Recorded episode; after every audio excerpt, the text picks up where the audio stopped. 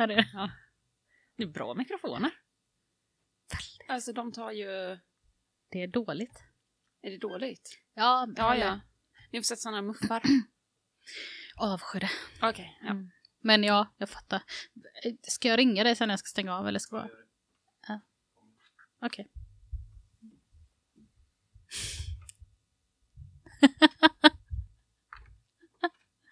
jag känner att jag har försökt. Jag är så ofokuserad. Jag vill dricka ett glas champagne. Innan? Ja. Fan vad lyxigt. Ja. Tänk om man hade kunnat det liksom. Ja, kan du det? Ingen aning. Nej. När var sist du drack? Jag, eh, Okej, för att vara helt ärlig drack jag ett och ett halvt. jag sänkte en sån liten flaska rödvin eh, här i... Eh, Oh, sänkte den igen? ja, det gjorde jag. Vad är det, 18 centiliter. Eh, det var dagen, det var den kvällen eh, då jag hade varit nere på röntgen i Halmstad. Mm. Och så satt jag ju där och, och så ringde Försäkringskassan. Så jag ringde upp min handläggare då efter, eh, efter röntgen. Och sen, ja, så det var, så jag sänkte den här rödvinsflaskan eh, samma kväll efter att jag hade haft min sån jävla power talk med handläggaren på Försäkringskassan. Mm. Eh, han har stått upp för mig själv och sagt att, eh, ja, frågat henne rakt ut. Kommer jag få problem med min ersättning här nu då bara för att jag inte gör det du vill att jag ska göra? Och vad var det de ville att du skulle göra? Eh, men hon, hon vill ju gärna att jag ska gå ut på grön rehabilitering. Hon, Okej, eh, citat, jag tycker att det är viktigt.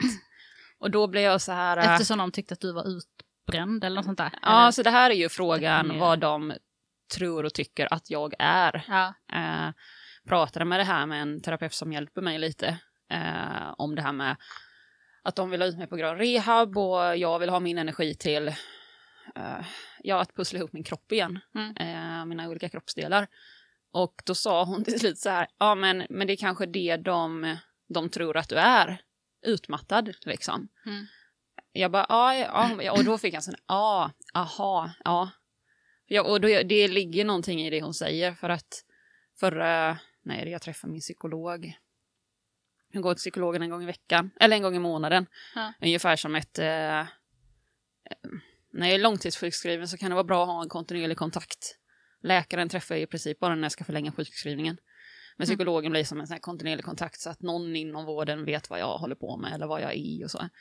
Och det är ganska tydligt att, som när jag sitter, nu senast när jag satt och pratade med henne om eh, de här visuella dysfunktioner jag har, om vad min rehab går ut på, vad neurooptometristen har hittat, så eh, ser hon ju ut som ett frågetecken. Mm. Så att det, hon, fatt, hon vet ju inte vad det här är. Eh, så att det, nej, det är kanske så. Eh, när man inte riktigt vet vad man ska titta efter eller eh, förstår sig på problematiken så är det väl till och med så att vårdpersonal kanske suktar lite efter att ja, men om, vi, om vi gör någonting Mm. så gör vi i alla fall något. Men i det här fallet kanske det inte innebär rätt behandling.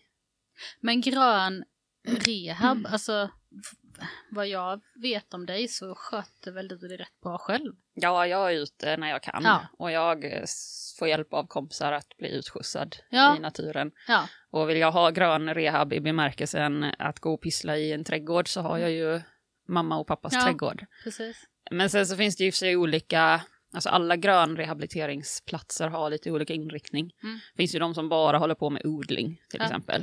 Eh, sen finns det de som har lite inkluderat med till exempel mediyoga, en medicinsk Mm. yoga. Mm. Och sen ett ställe som då har, det är lite mer aktiviteter. Mm. Eh, du kan rida, du kan ut och paddla SUP på deras mosse, Mm. du kan gå en promenadslinga. Plus att de har då trädgårds, alltså odling. Mm. Plus att de, det kan vara framförallt på vintern då, men jag vet inte om de har får där. Men de har liksom just det här med tuva och Mm. hålla på med hantverk. Så att det stället är ju, i min, enligt min egen personliga åsikt, som ett bredare spektrum av grön rehabilitering. Mm. Eh, så att, men, men det är ju... Och sen, alltså det, sen kan det finnas olika syften. Du kan... Eh, här verkar det vara som att mitt, mitt vård, inte för att jag har ett vårdteam, men eh, de som jag har att göra med, eh, se på grön rehab som ett sätt att bryta en isolering. Ja. Men då har vi väl det här problemet också att är du utmattad, det som kallas utmattningssyndrom, eh, då kan du ju hamna i en isolering för att du inte orkar och så vidare. Mm. Och fine, jag har haft dåligt med energi, men det har ju mer varit att eh, om min hjärna kräver, alltså när saker och ting, system inte fungerar så tar det extra mycket energi för Mm. mig att gå, stå, laga mat, då får man inte så mycket energi över. Mm. Men jag är liksom inte isolerad utan när jag väl fick börja gå ut och träna, köra lite fysisk rehab här i våras, förra våren. Mm. Det var ju för mig mitt sätt att bryta min isolering. Ja. Eh, och då träffar jag, man springer alltid på någon bekant, känner terapeuterna lite, man morsar på någon. Mm. Eh, eller bara det här att bli utskjutsad Mm. av en kompis till havet. Mm. Så att, ja, grön rehab, men då, eftersom jag strider, strider lite med vården, att jag vill ha rätt behandling, så då blir ju så att jag köper grön rehab. Ja. Det kan vara jättebra. Eh, eh, men med min begränsade energi och det jag har egentliga problem med, så är inte grön rehab mitt första fokus liksom. Utan då vill jag ha min energi till annat. Ja. För jag tycker en sak som är väldigt tydlig med dig är att eh, det här att, att man har försökt få dig att tro att du är utmattad eh, eller deprimerad. Du söker ju dig till folk. Ja, Ja, det är ju det jag har gjort hela tiden. precis. Ja. Och det är ju absolut inte typiskt för att vara deprimerad. Då gör man ju snarare tvärtom, att man drar sig undan. Ja, och visst har det kanske varit en sån här, eller dratt mig, alltså, ja här kanske jag har dratt mig undan vissa perioder ändå, men jag har ju inte dratt mig undan vården, utan det var ju jag som sommaren, våren 2018 igen sökte till vårdcentralen Mm. och bad om en remiss till neurorehab. Mm. Eh, för att komma till någon som kunde undersöka mig eller eh, liksom utvärdera mig. Mm.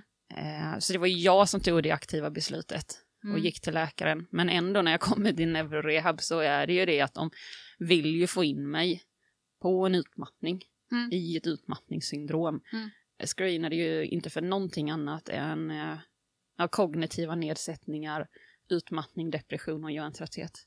Mm. Men det är ju där vi har det här problemet eh, med individer som har drabbats av hjärnskakning, att vi hamnar i ett psykologiskt fack. Mm. Och det är där vi då också, ja men grön rehab kan vara jättebra, men jag har ju inte, sen kan vissa ha det, alltså hjärnskakning är ju så unikt och individuellt, eh, så att alla har vi, vi kan ha samma symptom, men orsaken kan vara olika. Men eh, just att vi hamnar nästan automatiskt i det psykologiska. Det är Ja. ingen som ens tittar på det fysiska. Det är ingen som tittar på neurologin. Och då, och då är det en individ som har skadat sitt centrala nervsystem. Men det tittar man inte ens på. Nej. Du tittar inte på hjärnan utan... Eh, och det är det, ja, det är det som var... Det har varit så frustrerande hela tiden. Eh, från början till start och att det är så många som man hör eh, hamnar där. Men eh, det, är, det är ju en speciell dag idag. att vi poddar, att det är två år sedan som du var i Göteborg, eller var ligger det någonstans? Nej, Kungälv. Kungen. Ja. Mm. ja, det är exakt två, till datumet är det två år sedan som jag fick reda på hur, eh, hur min hjärna mådde. Ja. Ja, eh, ja så det är en speciell dag. eh, poddar och eh, spelar in och eh, ja, och så tvåårsdagen liksom. Mm. Det är ganska, ja det har varit lite känslofyllt senaste veckan. Det har Mm. hänt mycket, man får säga genombrott också. Det har hänt många spännande, läskiga, coola, konstiga saker. Men vad hände fram till det datumet för två år sedan egentligen? Vad var det som utlöste det? Vad, ta det från eh, Jag, början. först och främst, det var bara liksom en eh, liten hjärnskakning. Eh, snubblade i skidbacken eh, i maj 2017. Och eh, jag var i riksgränsen då och åkte skidor. Eh, så jag hamnade, jag kan inte samma dag, dagen efter. Ja, efter att jag hade ramlat i backen så skulle jag jobba på eftermiddagen. Eh, och det gick väl någon timma. Sen bara, eh, det gick inte med liksom, huvudet hängde inte med. och så var det väl dagen efter då som jag sökte läkaren, jourläkare. Hur, hur ramlade du? Nej, bara en liten, eh, som att jag snubblade på... Eh, som att vi snubblar på trasmattan i köket hemma. Och så slog du i huvudet? Eller? Ja, framsidan av huvudet. Ja. Eh, ena skidan fastnade, spetsen liksom. Så den löste ut. Eh, och då fick jag som en piruettliknande rörelse. Och fick en rotations, alltså en sväng mot höger. Mm. Och eh, slutade med att jag liksom landade på mage. Så att säga uppför i backen. Jag tittade uppåt så att säga. Ah, ja. Mm. Så att, eh, och så, så jag, piruett, rotation, eh, kroppen kommer först och huvudet kommer sist framifrån. Liksom. Eh, Så Mm. så gick själva, det var inget fancy, det var inget, det, det var ingen backflip hop. Så, så här fancy som de flesta fall är. Ja, men precis. Man bara, såg någon mig? så bara, men jag hade ju en med eller jag var också inte själv, så att det vart sånt så här, ett tag efter så var jag ändå så här, man försöker analysera lite, vad var, vad var det som egentligen hände? Just där och då så tänkte jag inte så mycket på det.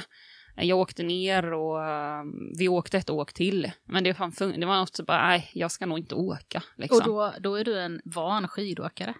Ja, det är jag väl. Mm. Så. Eh, jo, ja det är jag ju. Om man jämför med många andra. Ehm, nej, så det var väl dagen efter jag sökte upp läkaren, jourläkaren då.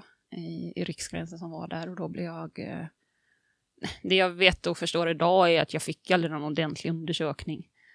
Eh, ingen, alltså, ingen så att säga regelrätt neurologisk undersökning eller någonting. Bara några simpla tester och sen eh, ett papper och lite instruktioner på att här följer hjärntrappan. Där man återgår till aktivitet i som ett stegrande, som i en trappa, steg för steg. Den här undersökningen som ledde till att de rekommenderade järntrappan. Hur gick den till? Ja, men den var ju som ingen riktig eh, undersökning. Jag minns faktiskt inte så mycket Nej. från, eh, från hennes så kallade undersökning, utan det var ganska mycket konstaterande att ja, man har skett en hjärnskakning. Ehm, jag kommer inte exakt ihåg vad det står i den journalen. Ehm, men liksom, jag, jag tror att de tittade lite så här, man gör följdrörelse för Mm. ögonen. Mm. Eh, bara det här ett kors liksom, att jag ska titta med. Men inte så himla mycket så, inga reflexer eller eh, det här gångtest eller eh, nej men ingenting egentligen. Så att jag, jag blir så här, släpptes fri liksom. Mm. Här, det, det blir liksom, här sköt dig själv. Ehm, och efter några dagar så det blev liksom inte bättre, det gick inte jobba. Så jag vet att jag gick tillbaka. Eh, och sen där någon gång så bestämde jag mig, alltså gick tillbaka till läkaren. Och sen någon gång där bestämde jag mig för att, eh, alltså jag kunde inte åka skidor, jag kunde inte jobba. Eh, så jag bara, äh, jag åker, eh, jag åker hem, hem Mm. till eh, västkusten, till Falkenberg. För då var ju, det var ju maj, så att eh, det är ganska jobbigt att vara i snö, i vitt landskap, när du har den här visuella dysfunktionen till exempel. Mm. När du inte riktigt kan, eh, ja, olika, olika funktioner funkar inte. Så att jag valde att åka hem till det gröna landskapet här hemma. Eh, jag tänkte att jag chillar här, tar det lite lugnt och så skulle jag ju börja sommarjobba tre veckor senare. Mm. Så att, eh, Hur märktes det att du inte kunde jobba? Blev du trött? Eller hur? ja, jo, alltså så här, eh, ehm, jag, blev, jag blev säkert smygande trött. Men det kom, jag hade jobbat ungefär en månad på sommarjobbet här hemma. Eh, och då satt jag en dag på jobbet och det liksom i princip bara blixtrade till. Och det var bara total kortslutning i huvudet. Jag bara, jag orkar inte titta, jag orkar inte lyssna, jag orkar inte, alltså, jag orkar ingenting. Det var liksom, ja, dra ut pluggen. Ja. Eh, och då var det som så här, det här, det här är inte bra, eller så, det här funkar inte. Så då åkte jag till vårdcentralen här hemma och eh, jag har sökt upp läkare, liksom. Jag behöver bli sjukskriven. Och då får du ju återigen, då fick jag återigen det här, äh, ingen direkt undersökning, utan aha, problem efter en hjärnskakning.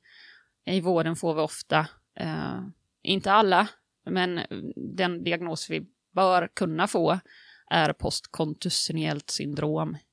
Eh, och den, den diagnosen ger dig som drabbad individ eh, tre månaders sjukskrivning, en vecka heltid och två veckor halvtid. Eh, så jag fick det och så liksom inga, ingenting sådär. Och Inga, det är det som händer efter att de har konstaterat en hjärnskakning? Ja, typ Ja. så. Mm. Eh, ingen undersökning, inga direkta råd, inga, inga, inga ingenting. Så. Ehm, så jag tog den sjukskrivningen och så började jag småjobba, men det funkar liksom inte. Testade ett annat jobb också, men gick inte, så då bestämde jag mig för okej, jag pausar. Jag gör ingenting. Jag jobbar inte. För jag hade planerat att åka tillbaka till Luleå för att plugga färdigt min uh, fysioterapiutbildning. Så det var det jag hade i fokus, liksom att okej, då vilar vi här och så, och så åker jag upp. Det är liksom den här, uh, när du går till en läkare och inte... Mm, så här, i efterhand så förstår jag att jag, att åka upp till Luleå och plugga, man kan ju se på det på olika sätt liksom. Det kan, det kan inte vara det bästa för hjärnan. Eh, eller så var det det. Jag, men att, att som drabbad individ eh, gå till vården och inte få eh, några direkta direktiv. Du får Mm. inga instruktioner på vad, hur du ska bete dig, hur du ska göra, hur du ska förhålla dig till detta. Du får inga, du får ingen råd och regim liksom. Eh, då sitter man som själv där och bara, nej men hur ska jag då veta? Det är väl något jag, det, man kan gå tillbaka och bara, ah, det var ju korkat att jag gjorde si och så, att jag inte sökte vården igen, men det var ju liksom också den här, hade sökt hos två läkare och jag får direkt ingen hjälp liksom. Nej. Jag hade haft en, hjärn, en, jag hade en rejäl hjärnskakning 2010 och den tog tid. Mm. Eh, Det tog nästan ett år eh, och det var mycket så här av och på liksom. Jag minns att jag under ett års tid efter det här hade många sådana här, om jag sjukskrev mig själv en vecka från jobbet liksom som man får göra eller fick göra då, liksom sju dagar. Mm. Eh, så det var väl också man hade det i bagaget att ja, men jag får, ja, man får ingen direkt hjälp eller så. Eh, Men förklara vad hjärntrappan är, för de som aldrig hört talas om det. det är en modell som är skapad eh, som ska vara ett, som ett säkert sätt att återgå till aktivitet, till sport. Den används ju Efter hjärnskakning. efter hjärnskakning. Eh, Den används ju framförallt inom idrottsmedicin i Sverige då. Mm. Den är framställd av eh, två svenskar. Eh, den används inte någonstans annanstans än Sverige. Eh, Är det praktiska övningar man ska göra? nej, eller? nej. Nej, inga praktiska övningar så, utan först handlar det om vila. Ja. Eh, psykisk och mental vila. Fysisk och mental vila. Eh, och sen då eh, liksom gradvis återgå till sin aktivitet. Först så ska man göra, alltså först är det att du bara, du får börja träna själv. Säg att du är en kontaktsport till exempel, ishockey eller fotboll. Så får du börja träna eh, utan dina lagkompisar. Du får liksom inte ha, komma i kontakt så att du kan slå Mm. eh, eller få ett slag. Eh, och sen då återgår du till att du kan spela med ditt lag igen så att säga. Mm. Eh, Men den är ju väldigt diffus, den är inte vetenskapligt förankrad, den är inte evidensbaserad. Eh, Hur kom det sig att du fick den till dig med tanke på att du inte är... Det är nog för att eh, hon, ja men skidåkning, idrott. Ja, Eh, nej, hon, eh, läkaren i Riksgränsen har ju en bakgrund inom eh, att jobba med ishockeylag. okej. Så hon var ju så att säga van vid hjärnskakningar. Ja. Det gör ju också så här, aha men då är jag trygg. Mm, Hon vet ja, vad hon håller på med. Precis. Tack. Då gör jag som du säger. Ger Ja. hon mig inte mer än det här, nej men då gör jag väl inte mer än det här heller liksom. Eh, så det var väl därför jag fick den. Och sen så fortsatte det då för att jag åkte upp till Luleå och började plugga. Och jag skulle skriva C-uppsats då, sista året. Så då var jag, eh, då tänkte jag så här, men då kanske rehabilitering efter hjärnskakning kan vara ett bra ämne. Mm. Ett intressant ämne. Det är en win-win. Mm. Eh, eller jag hade ju ett intresse för det givetvis. Liksom. Och då sökte jag upp en, Eh, ja men en, en, eh, jag vet inte, han kanske inte är professor, men en som har varit kopplad till Luleå universitet som, eh, eh, som är som en del av den här hjärn, som har skapat hjärntrappan. Eh, och så fick jag då namnet, han är sjukgymnast uppe i, eh, i, i Luleå. Och också van med hjärnskakningar. Och då har man återigen det här att, ja men skönt, då är jag i trygga händer. Liksom. Mm. Um, och så fick jag hjärntrappan igen där uppe. Och då blev det liksom det som blev behandlingsplanen. Fick ju... Mm, kanske li... Alltså, och det är återigen där jag fick ju ingen riktig undersökning. Det jag vet idag är liksom att adekvata saker inte har tittats på. Liksom. Det är ju en prob ett problem det här att det är stor kunskapslucka. Liksom. Mm. Ehm, och då... Ja, nej, så det var så jag gled in på järntrappan. Jag har träffat professioner, terapeuter inom vården som är involverade i idrottsmedicin, jobbar med idrottare. Och så blev det järntrappan. Mm. Eh, och så satt jag på den då, ja, körde fysisk aktivitet utefter det, bara det då. Eh, tills jag en dag, någon gång, vet inte om det var november eller december, fick instruktionerna att eh, nu har det gått så lång tid efter skar-olyckan så att nu kan du bara köra över dina symptom. Nu kan du liksom bara köra. Från För- maj till november, december. Ja, typ ett halvår. Så att hjärntrappan är ju det här att du ska liksom, du ska, du som triggar system, symptomen på ett säkert sätt, om man säger så. Men så fick jag ju då sen så här, ja men du kan du bara köra. Och det är så här, efter ett halvår så bara, ah, fan vad gött.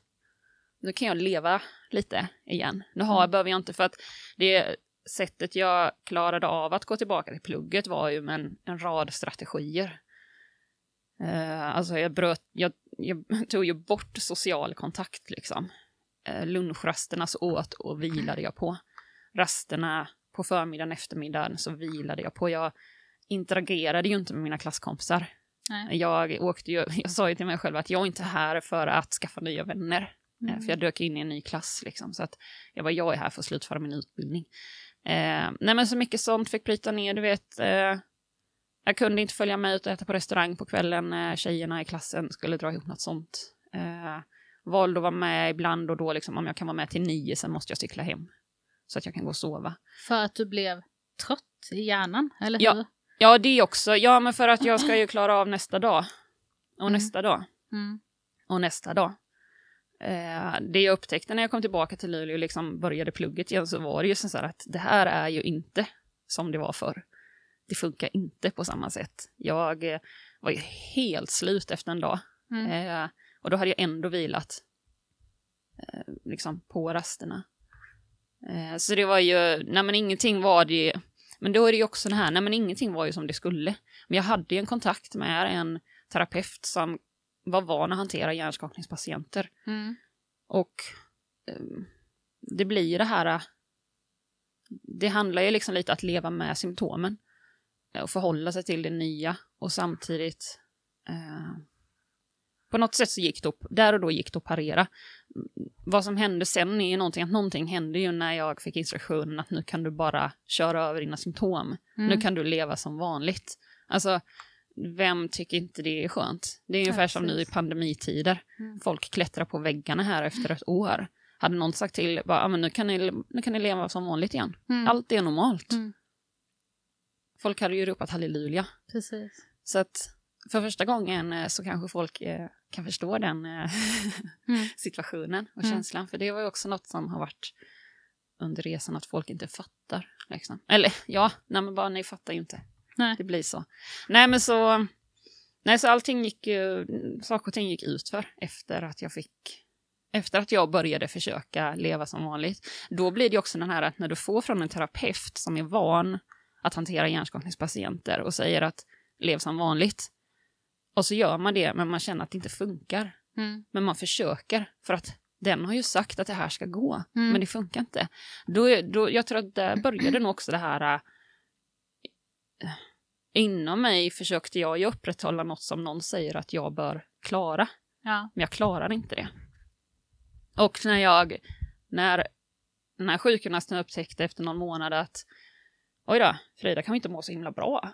Då, det som sattes in var en läkartid och det blev utskrift av antidepressiva för att inte hamna i en depression. Och det jag vet idag då så är det liksom bara... Det gjordes ju inte ens en screening för det. Jag kan vara ju väldigt kritisk mot många saker under de här åren. ja. Men till exempel en sån sak. Fanns det symptom på att du var på väg ner i en depression? Ingen Eller- aning.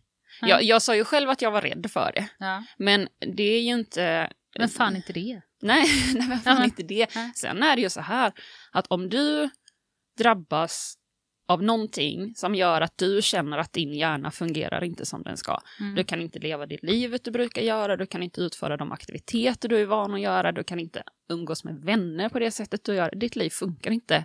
Det vill säga, vem blir inte deprimerad? Mm. Men då handlar det om att titta på varför. Vad Mm. är det som inte funkar? Mm. Istället för att bara, aha, det är liksom för enkelt och bara, och här har vi så ganska tidigt har man ju återigen, det, absolut har vi psykologiska aspekter med i de här problematiken och mentala.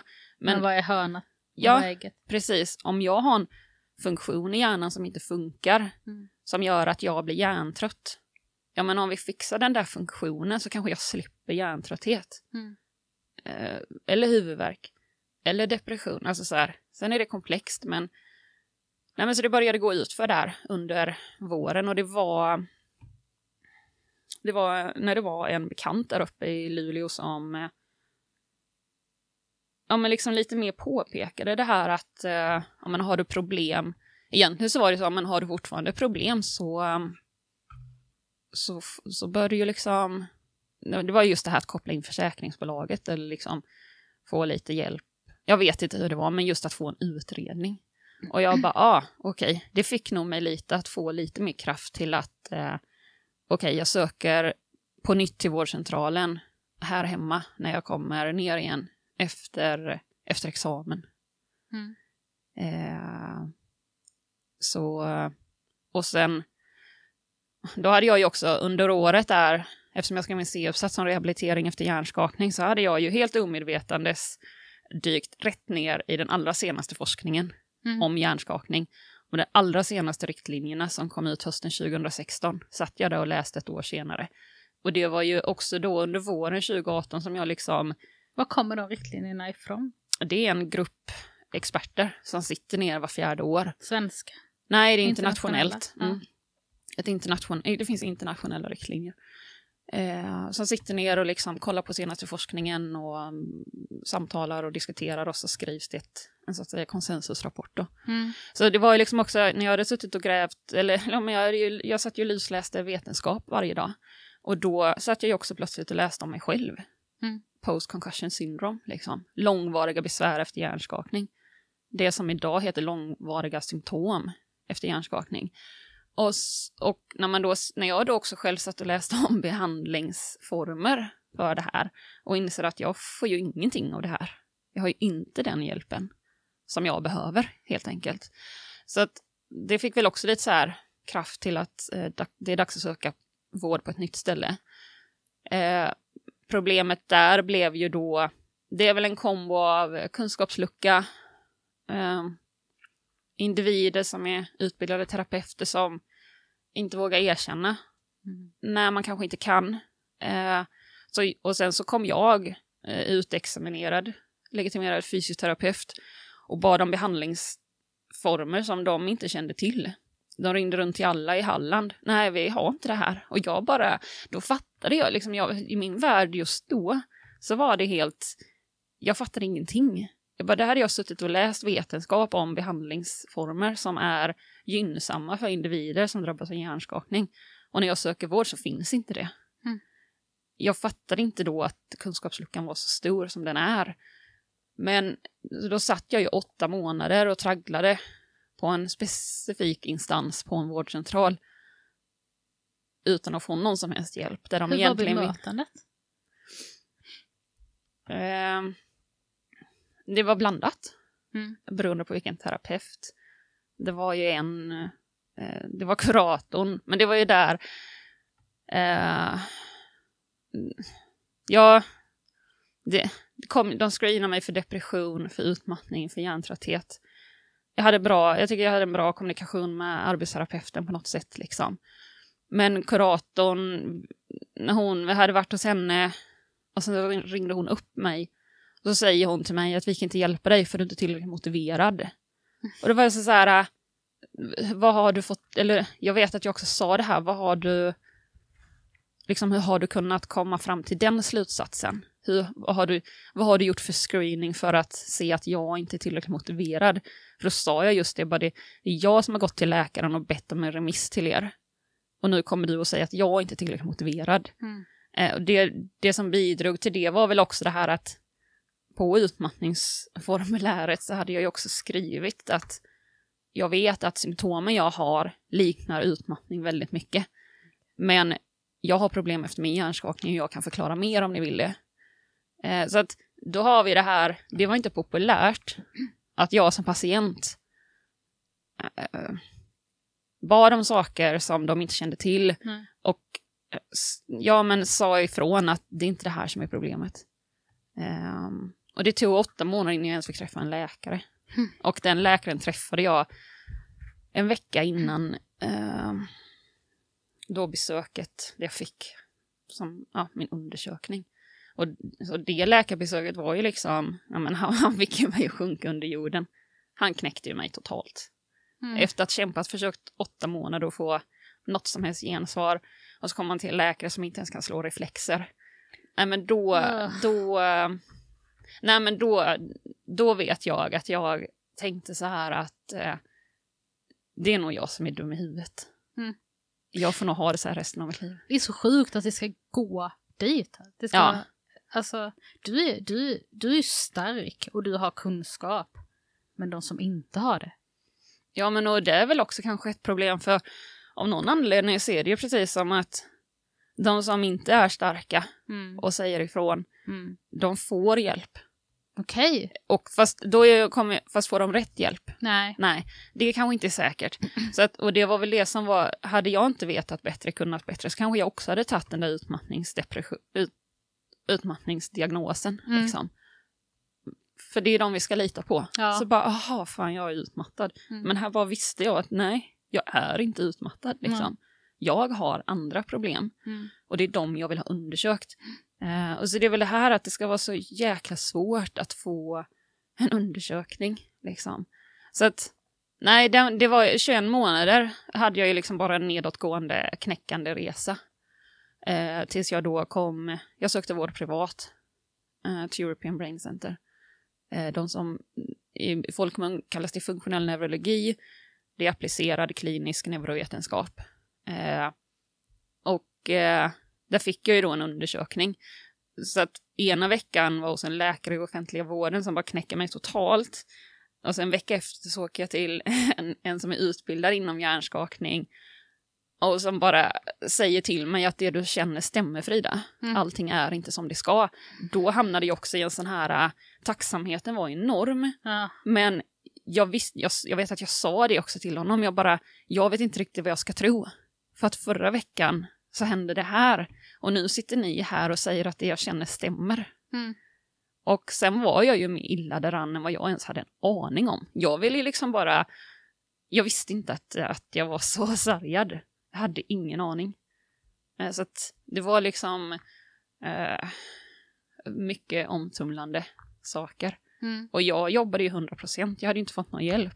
Och de sa till mig att gå hem och leva ett lugnt liv. Och jag bara, men alltså jag, jag, jag ska ju jobba imorgon. Mm. Jag jobbar heltid. Och då sa de, jaha du, jag bara, alltså du får ingen hjälp. Nej, jag får ingen hjälp. Så Men hur att, många kommer till dem i din station? Inte... ingen aning. Nej. Ingen aning. Eftersom de blir så förvånade över att du... Många kommer till dem efter att liksom ha typ eh, försökt fått hjälp av 10-20 olika läkare efter att ha bollats runt i systemet hur länge som helst. Jag hade ju bara träffat tre olika läkare. Mm. Eh, hade bara träffat några andra terapeuter, så det var inte så många i det här fallet. För mig, eh, anledningen till att jag tog deras hjälp var ju lite den här, de här åtta knäckande månaderna i offentliga vården där jag inte fick någonting. Eh, i kombination med det jag kände till i vetenskapen och då liksom konsulterade lite med mina kiropraktorkollegor eh, och deras kunskap eller vetskap. Så vart det liksom så här att eh, jag var väl lite desperat för att jag upptäckte ju att i vården, de, de tittar inte på någonting, de, de vill ju inte heller. Eh, och då blev det väl mer eller mindre, om det är någon som kan så är det de här. Mm. Eh, men många kommer ju just när de, ja men håll på, jag hade ju också hållit på lång tid, men många kommer liksom när det har varit mer Det att de har liksom bollats omkring överallt redan. Jag har ju gjort den resan efteråt i princip. Mm. Jag har försökt eh, få vården att titta på saker efteråt. Saker som jag vetat att jag har problem med. Mm. Men om de inte tittar så kommer de aldrig hitta det. Då, och eftersom vården inte vet vad de ska titta efter så har jag fått säga det här behöver ni titta på. Mm. Eh, och jag har fått skicka många av de remisserna själv. För att eh, den närmsta tiden då efter, för två år sedan, så fick jag ju liksom... Jag fick ju reda på massa hur mitt system mådde, men då när jag sen då, efter det förstod jag ju att jag kan ju inte jobba. Jag behöver ju hjälp och få rehabilitering. Men när jag då återigen sökte till en ny läkare på en annan instans på vårdcentralen eh, för att få sjukskrivning så var liksom det bemötande jag fick då var att läkaren tittade rätt in i skärmen och sa det här är inte neurologiskt, det här är psykologiskt. Och då var det liksom, eh, nej men, där kickar ju också mitt eh, trauma in. Alltså, eller där är det här att jag behöver hjälp, men varför hjälper ni inte mig? Det blir ju ett väldigt fight and flight tillstånd liksom. Mm. Inte nog med det jag hade upplevt under undersökningen, eh, hur, mitt, hur min hjärna mådde, men att, och de här åtta månaderna innan, utan också att liksom återigen behöva kriga med vården för att få dem, för att få deras hjälp liksom. Det är nu först här hösten 2019, 2020 som jag eh, har, fått en läkare som har varit villig att hjälpa mig att skicka remisser och som sa att du verkar ju kunna väldigt mycket. Mm. Eh, och antingen så, men han sa något liksom att antingen kommer jag läsa på själv eller så kommer jag fråga dig. Ja. Och så just det här att han bara, du verkar vara bra på att skicka egna remisser för de går ju igenom. Ja. Men jag kan hjälpa dig med det. Och att, att få, först bara, vad vad sa du liksom? Men så de senaste månaderna så är det ju, jag sa det till honom nu, det är några veckor sedan när jag var på hjärt, efter att jag varit på hjärtmottagningen så sa jag det, jag bara, jag är väldigt tacksam för att du skickar remisserna. Han bara, du ska inte ens behöva säga det till mig. för att det ska vara en självklarhet. Och då var jag som så här, jaha, men det har inte varit så för mig.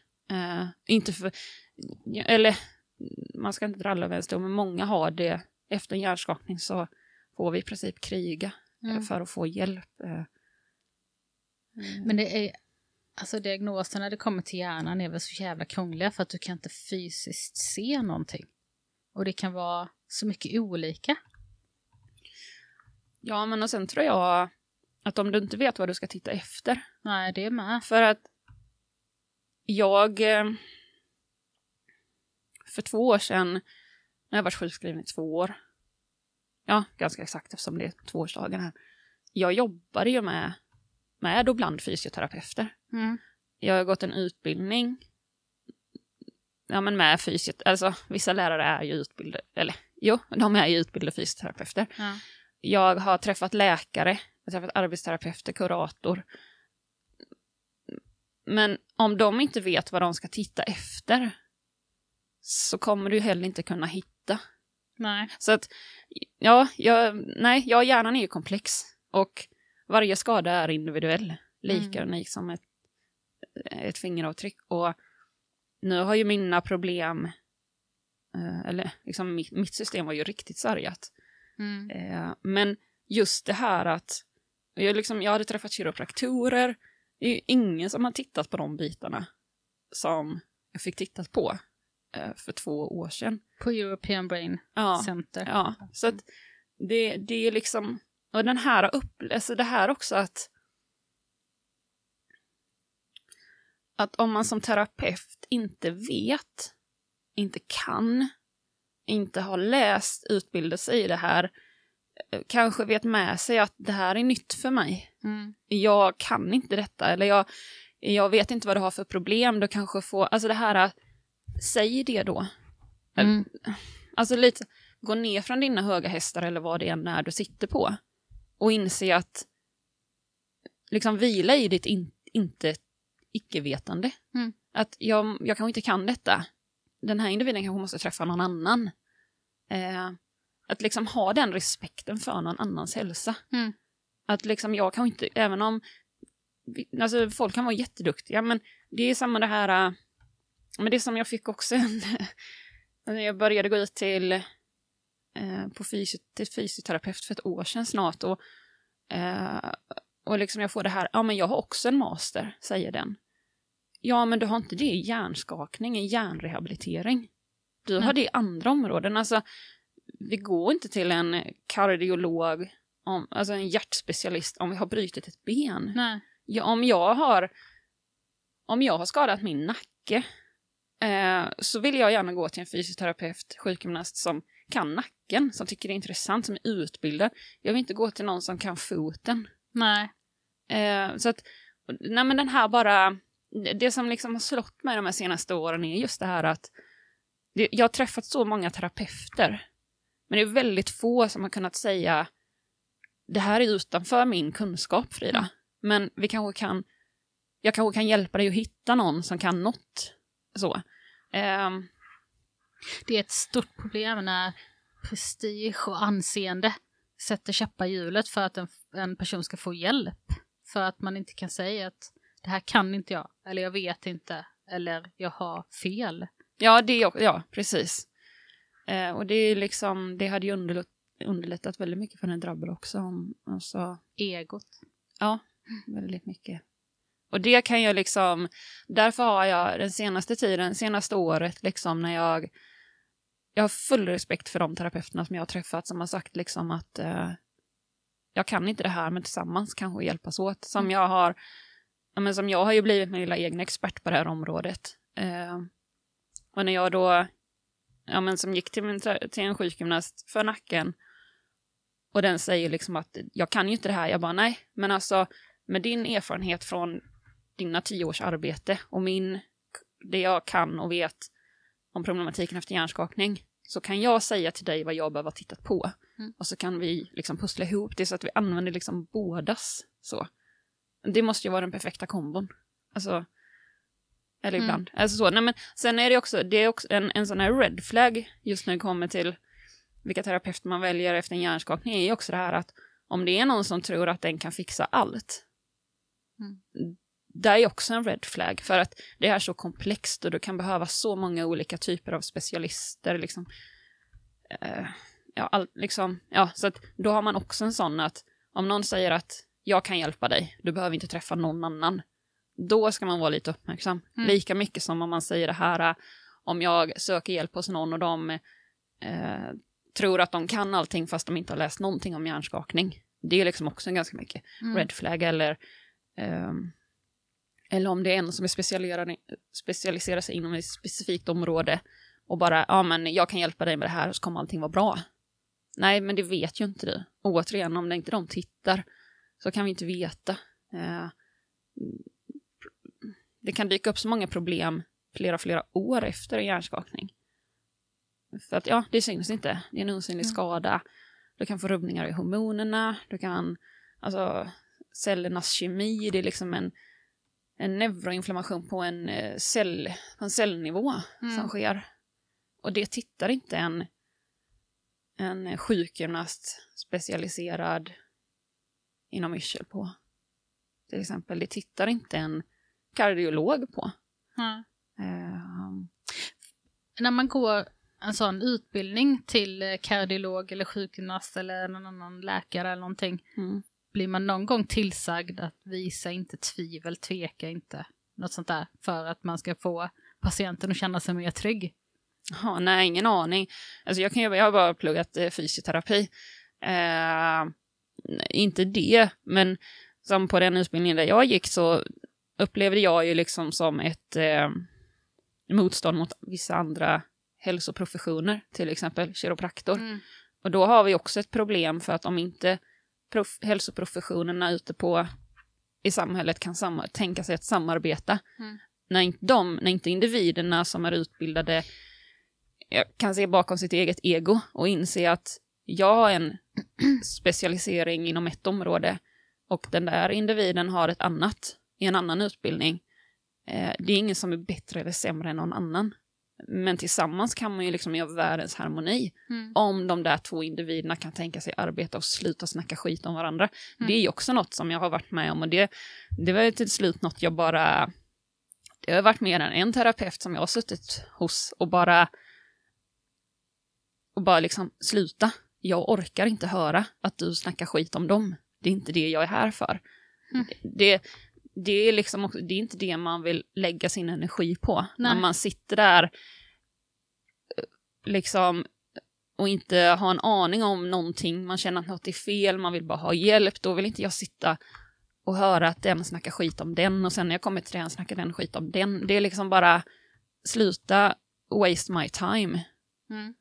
Ja, det, Men- varför ska en patient behöva höra? Nej, och det är väl också det, det är liksom, nej, alla måste inte tro på samma saker. Alla måste inte kunna allt, men vi kan ju åtminstone respektera varandra. Mm. Eh, och respek- liksom, terapeuter emellan, respektera era patienter, respektera deras hjärna. Mm. Den styr alltid kroppen. Och utan den så är vi sjukt sårbara. Mm. Och vi orkar inte. Eh, så det, det... Ja. Det är bara en konstig resa. Men, eh, för jag läste ditt inlägg som du gjorde idag Ja. på Facebook, Instagram, jag vet inte riktigt. Ja, jag skickar ut den på båda. Mm. Ja. Och vad som hände för två år sedan. Ja. Ja, det vill jag ju höra mer om. För det är ju det, alltid när vi pratar Mm. och du berättar om de här eh, uppenbarelserna som du har fått. ja. Men det är ju då som, Så man kan förstå vad det är jag har gått igenom. ja, men lite så. Ja. Att det inte bara är att vissa ser att jaha, nej men hon verkar vara riktigt deprimerad eller eh, utan att jaha, nej. Ja, nej men där under de här eh, jag fick ju ungefär en tre timmars ut, eh, undersökning. Och det, det får man bekosta själv. Ja, det är Ja. privat. Jag Ja. har sökt privat. Jag, jag brukar säga det att egentligen har jag inte fått någon vård av offentliga vården. Nej. Jag har sökt mig utanför offentliga vården. Jag har bekostat privat vård själv. Mm. Och det gör jag Och krigat som fan. Ja, jag har sökt upp dem. Vissa saker har liksom kommit till mig som råd. Eller förslag, liksom att... Det var lite så jag hittade European Brain Center. Det var en som sa att ja men de finns ju. Och jag, då hade jag ingen aning om dem. Liksom. Nej. Och sen är det, alltså visst, nej men det är liksom eh, connecta med andra likasinnade drabbade och liksom söker och letar in- info. Mm. Ehm, men ja, så det, är- det är själv, självbekostad vård liksom. Ehm, nej men och då fick jag ju, nu vet jag ju, eftersom det är ju tack vare min medicinska utbildning, alltså inom fysioterapin som jag eh, vet vilka funktionsnedsättningar som dök upp. Mm. En, en vanlig, du kanske inte hade förstått det. Så. Eh, det är kanske på gott och ont men eh, nej, så, så därför vet jag ju lite om vad, det är inte så att du får det på papper av dem, att det här hittade vi så specifikt. Nej. Men jag satt ju i rummet och blev undersökt och kunde ju själv känna att eh, här händer ju ingenting när de slår på reflexerna i mina, i, ne- alltså, i mina ben Mm. eh, på knäna och fötterna, eller hälsenan då. Och eh, nej, men man hör ju dem också bara, ah, tre otillräckliga kranialnerver. Och det var ju så här, vad fan innebär det? Liksom. Så att jag ju där och undrade då också. Mm. Eh, eh, och ehm, jag kände ju väldigt tydligt när de gjorde de här undersökningarna på med ögonen, alltså man tittar på ögonfunktion, ögonmotorik, Mm. väldigt mycket, alltså vi snackar, vi snackar centrala nervsystemet, pons medulla, liksom. Eh, och det var när de hade gjort de undersökningarna, de testerna. Eh, jag kände ju själv hur, jag kan inte följa bollarna, du vet, jag känner mig bara all over the place. Var det bollar som typ gick så här eller? Alltså, Ja, de går lite olika. Ja. Eh, åt sidan och upp och ner och man Ja. har såna här googles på sig, alltid mörkt och man tittar, man ska följa saker. Eh, och det var när jag tog av dem och liksom, jag vet att eh, Leif sa så bara, oj det var lite jobbigt, men jag var ju också i sån här, eh, jag fattade ju inte, jag visste inte vad då jobbigt liksom. Det var ju min vardag. Livet var ju jobbigt. Mm. Jag orkade ju, just då så, jag hade egentligen inget liv. Jag jobbade och sov. Och på helgerna handlade det om att återhämta mig så att jag skulle klara ännu en vecka. Liksom.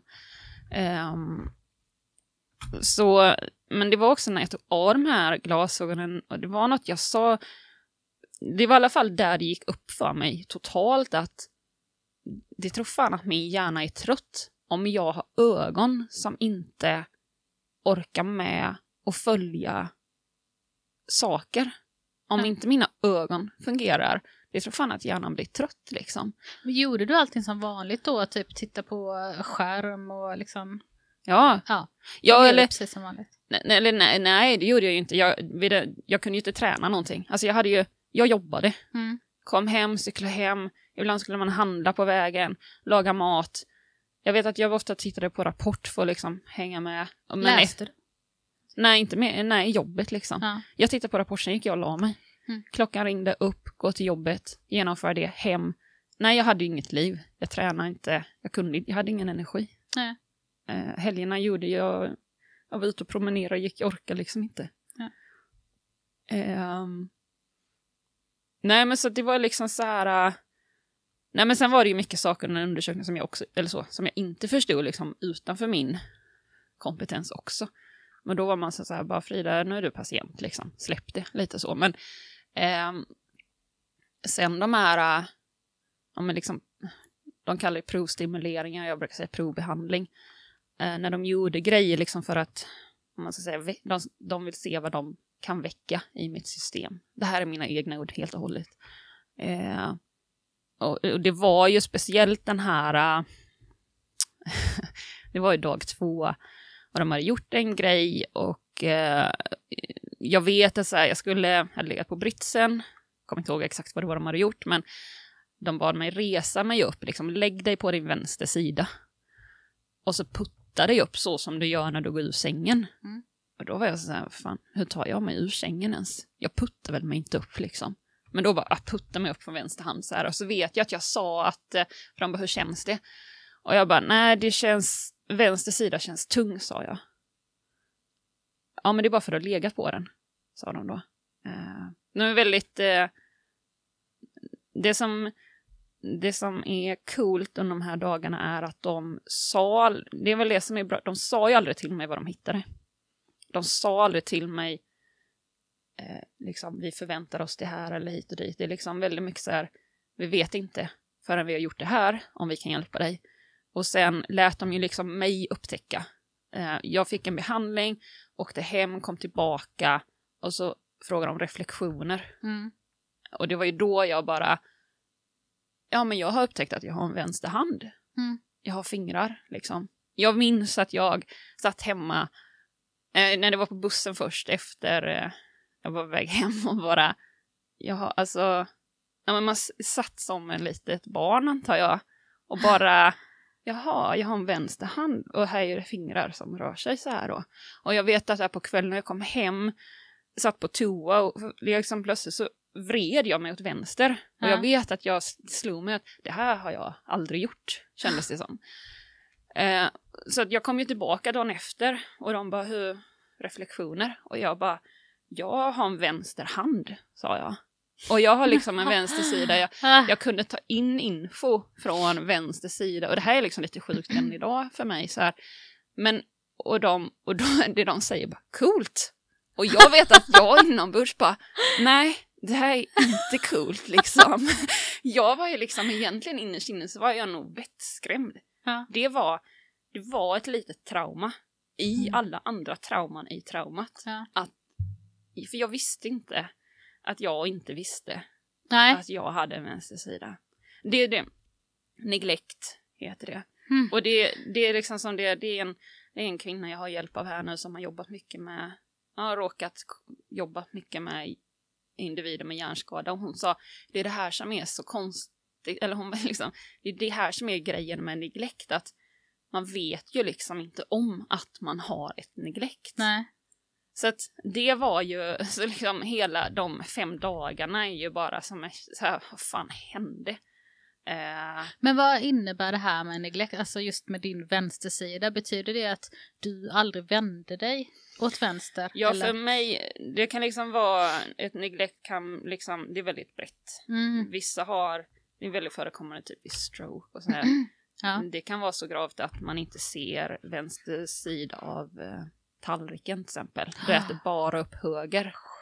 Men så, så har det aldrig varit för mig. Nej. Men ja, det har varit att, eller nej, jag vet knappt själv, men uppenbarligen nej, jag var inte van. Det är väl precis som att, tänkte så att jag vet inte att jag har en vänstersida. Så att jag har ju börjat märka det, för det som hände till exempel nu här för, det var förra söndagen. Jag har vetat att den här upplevelsen att jag satt och utforskade med vänster hand, det blev som ett trauma liksom. De sa till mig nu, de gjorde vissa saker så sa de, nu äger du din vänster sida igen. Och jag bara, okej, okay, jag äger min vänster sida igen liksom. Men det är någonting som eh, jag har haft de här senaste två åren eller liksom ett och ett halvt, ett.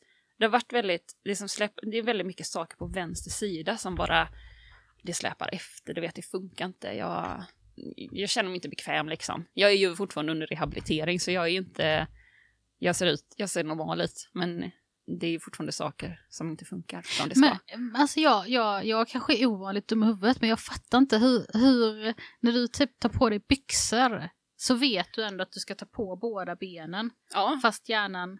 Nej men här, alltså här, jag kan inte det här heller sådär specifikt. Men nej, jag har ingen aning. Nej. Men det är ju heller, detta är också så, men det var ju ingen annan som såg det heller. Det är nej. det här jag menar. Ja. Jag, jag sökte mig till vården.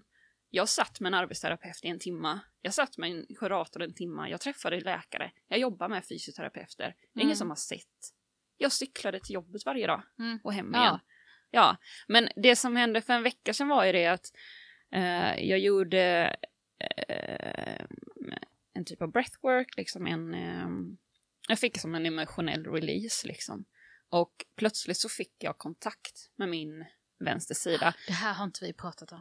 Nej, det har vi inte. Det, här, det var liksom så här att plötsligt så kände jag värme i min vänster hand. Och sen kom värmen i vänster fot. Och så vart det som att det bara, äh, inte vet jag, gled upp till höften liksom. Så var vänster höft bara, aha, det är höften. Till liksom bäckenet, aha, SL-leden, pelvis, bara, aha, okej. Okay. Och sen axel, vänster axel, armen och så, jag har haft väldiga problem att andas. Uh, så plötsligt så bara rörde sig liksom bröstkorgen och bara här brukar det inte röra sig. Och så var det just den här eh, värmen och sen kom den hela vägen upp nacken. Plötsligt kände jag käken. Plötsligt så känner jag ögat igen. Jag känner mitt vänsteröga. Och det är så att jaha, där är det. så. Och så, nej, så det hände förra söndagen. Och mm. då var jag så här, äh, ja men se, det stämde ju det jag kände. För det är ju något som har... Jag har ju förstått att det, att det blev som ett trauma för två år sedan när mm. jag satt och utforskade min vänster hand. Men problemet var ju eftersom, eftersom detta inte hittades i offentliga vården och eftersom framförallt den här första läkaren efter det här jag träffade då sa han bara det här är, det här är psykologiskt, inte neurologiskt. Alltså, du tvivlar ju ganska mycket på dig själv som patient. Det var ju man bara orkar liksom inte läkare just nu som inte tror på mig. Mm. Jag orkar inte strida för min rätt till vård just nu längre. Så att det har ju heller inte liksom uppmärksammats. Jag har ju inte, där har jag ju använt min egen lilla kunskap jag har av där jag vet att har man haft ett neglect så är det liksom återträning genom att använda den sidan. Jag har medvetet till exempel när jag käkar middag med familjen velat sitta så att jag måste titta åt vänster. Mm eh, borsta tänderna med vänster, göra saker med vänster. Men det är ändå någon koppling som har, fast, som har saknats typ. Och det som hände förra söndagen var liksom just att bara... Okej, okay, här är den. Jag bara, ah, jag känner mig, jag satt, jag bara... Och det här var genom breathwork? Ja. Jag har jobbat mycket med breathwork sedan eh, sommaren 2019. Mm. Eh, eh, ja, då ehm, hade jag hört talas om det, känt till det innan men aldrig liksom. Det var, jag fattade. Du får nog flytta mycket lite. Ja, nej men jag fattade.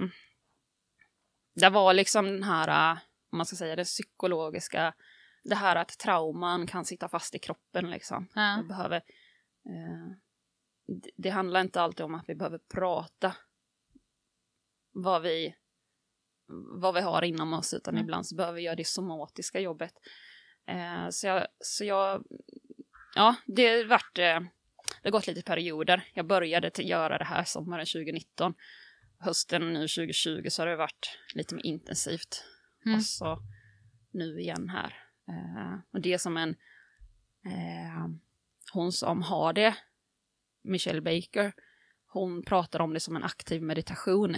Mm. Och det är lite intressant nu att eh, den här veckan som har gått så har jag följt ett, eh, en Trauma Summit-serie på, på internet, via internet. Eh, här, ett avsnitt per dag liksom.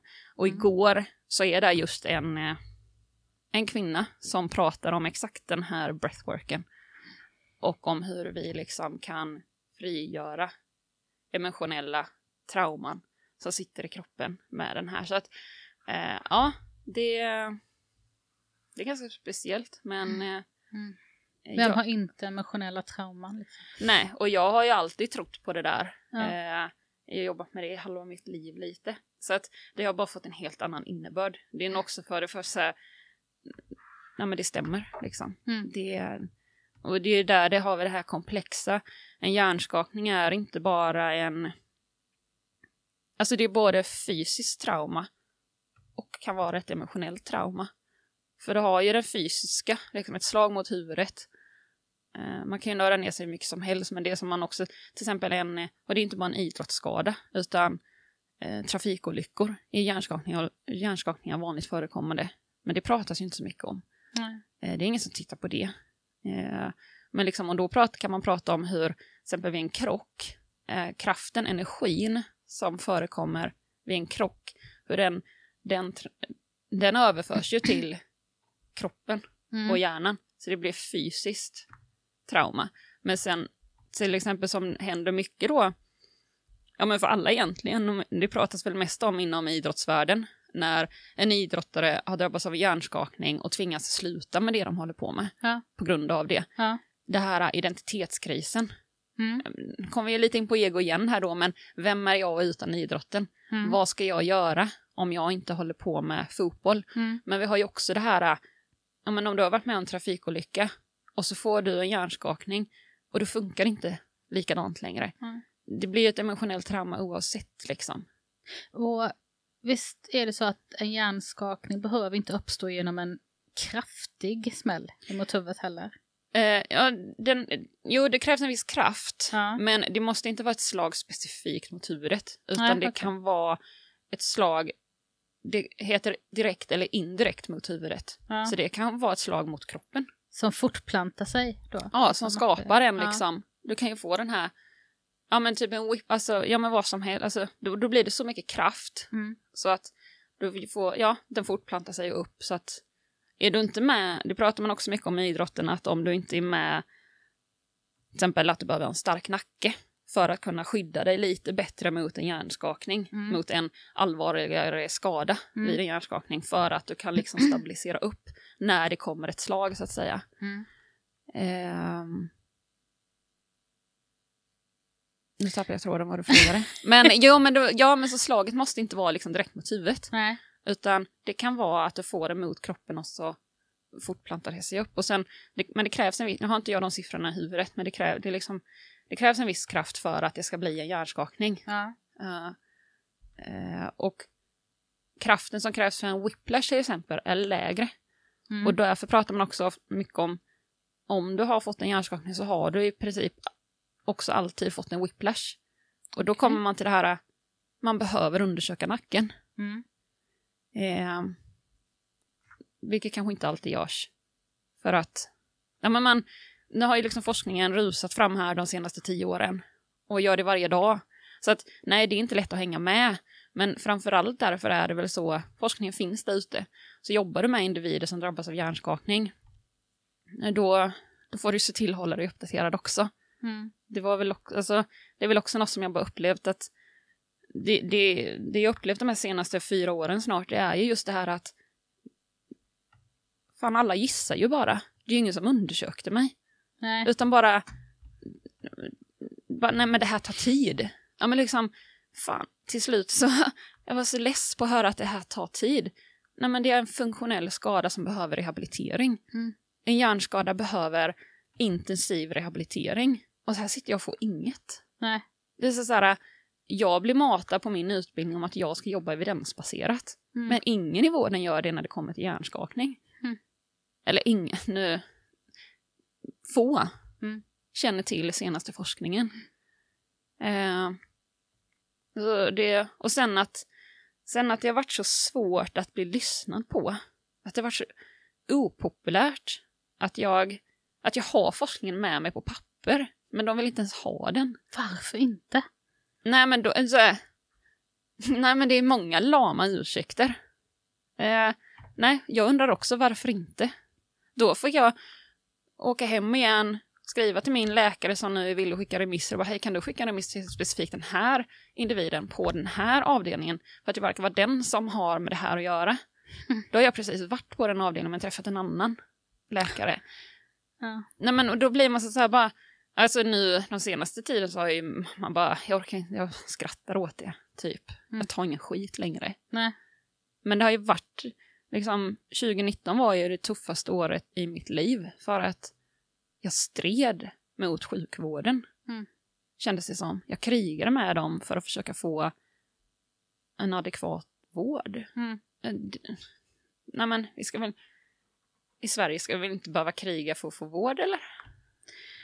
Absolut inte.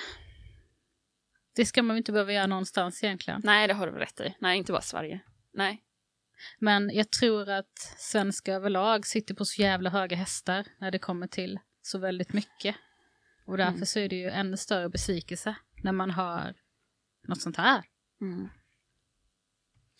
Ja.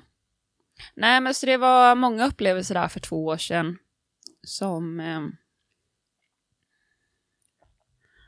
ja, det skapade många processer liksom. Mm. Och sen har det inte varit enkelt sen dess. Eh, En ganska tuff behandling var det för mig i alla fall. Eh, Och jag tror att det är nog för ganska många. Mm. Eh, Sen hade det ju framförallt underlättat om jag liksom hade fått hjälp av offentliga vården parallellt. Det fick jag inte under 2019 och sen, det är så mycket alltså, Har något ändrats efter att du har varit där och lämnat ett avtryck tror du? Var menar du? I offentliga vården? Ja, ja nej men det hoppas jag. Uh, nej men det är igen eh, specialistinstans som jag liksom lyfter det till patientnämnden för att Mm. jag, var, jag var inte nöjd och jag ville ha en second opinion liksom. Eh, där tror jag dock verksamhetschefen är ju riktigt bra där tycker jag. Så, där, så att där tror jag ändå att de tog till sig det. Men, och det är alltså... Ja, så får man alltid höra det här. Vi är inget universitetssjukhus. Nej, nej, och det vet jag. Och det är ni inte. Vad hade Men- skillnaden varit då?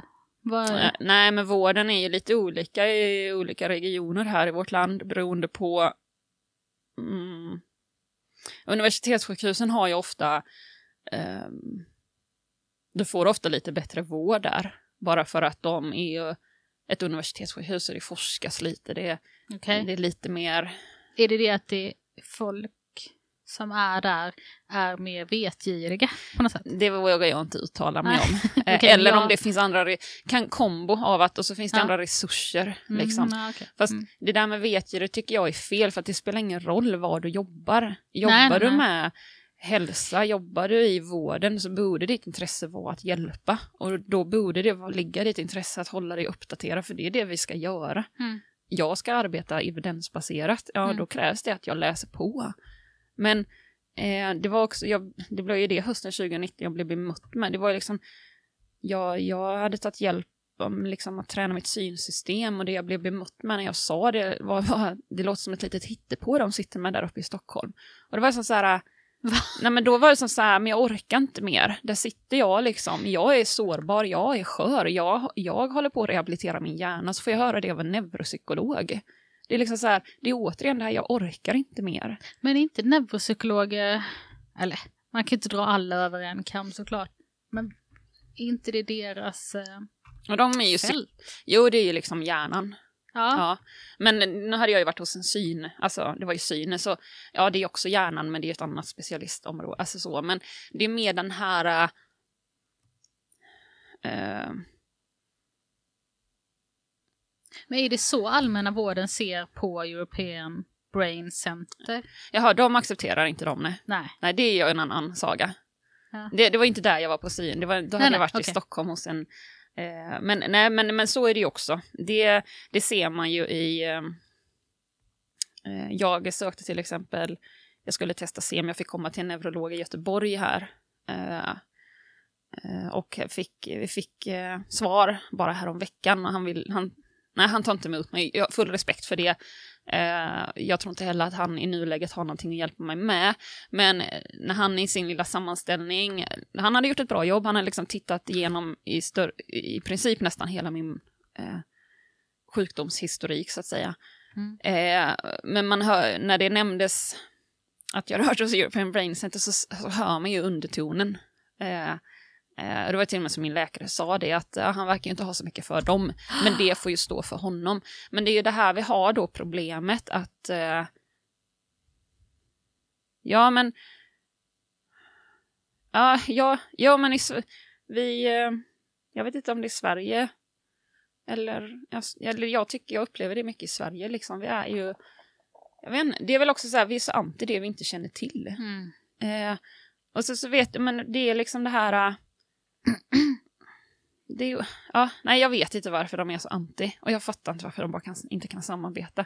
Sen förstår jag också att det kommer dröja innan det är accepterat. Eller innan det ens... Ja, men nej, vad ska jag säga? Jag vet inte. Det hade underlättat om de bara ville samarbeta. Det hade underlättat om alla inte bara krigar med varandra hela tiden, utan ser till patientens bästa. Vilket land vill man helst bo i i din station? Är det USA? Ja, det är det. Fast man får bekosta det själv. Ja. Så rik i USA? Ja, rik i USA. Men Ja. du behöver vara rik i Sverige också. Mm, det är klart. Det är samma summa. Mm. I Sverige eller USA. Samarbetar de någonting? Ingen aning. Det vågar inte jag uttala mig om. Mm. Liksom, hur de eh, kommunicerar med varandra. De är utbildade på samma skola så att säga. Men eh, nej, så att du behöver vara rik oavsett. Mm. Eh, eh, för att det är inte gratis. Liksom. Eh, men men jag, jag, jag hade behövt bo i USA just nu. Mm. Helt klart. Eh, det, det, det hade underlättat. Så offentlig vård, skattefinansierad, är jättebra och jättelyxigt ifall man typ bryter benet. Ja, eller om du kommer in med ett hjärtproblematik liksom. Mm. Eller cancer kanske. Ja. Eh, men inte hjärnskakning. Inte i Halland. Nej. nej, men jag, nej men och sen återkoppla det här. Alltså, typ om... Jag vet inte, du frågade ju här innan om det har skett någon förändring där jag har varit. Alltså det här, ja jag hoppas ju det. Men när jag lyfte ju ärendet till patientnämnden i hopp om att de som kommer efter mig ska inte behöva gå igenom samma skit som jag har gjort. Mm. Eh, jag hoppas ju att jag kan så frön hos Mm. samtliga terapeuter som jag har varit hos. För att åtminstone liksom inse att ni behöver titta. Ni behöver börja läsa. Mm. Eh, jag kan inte göra någonting åt det jag har varit med om. Nej. Men jag kan försöka skapa en förändring framåt. Eh, Men du sitter ändå och gör det här med en hjärnskada. mm, ehm, och dysfunktionell hjärna. Och det Mm. finns de som har fysiska skador som aldrig skulle få för sig att lyfta någonting som de är missnöjda med.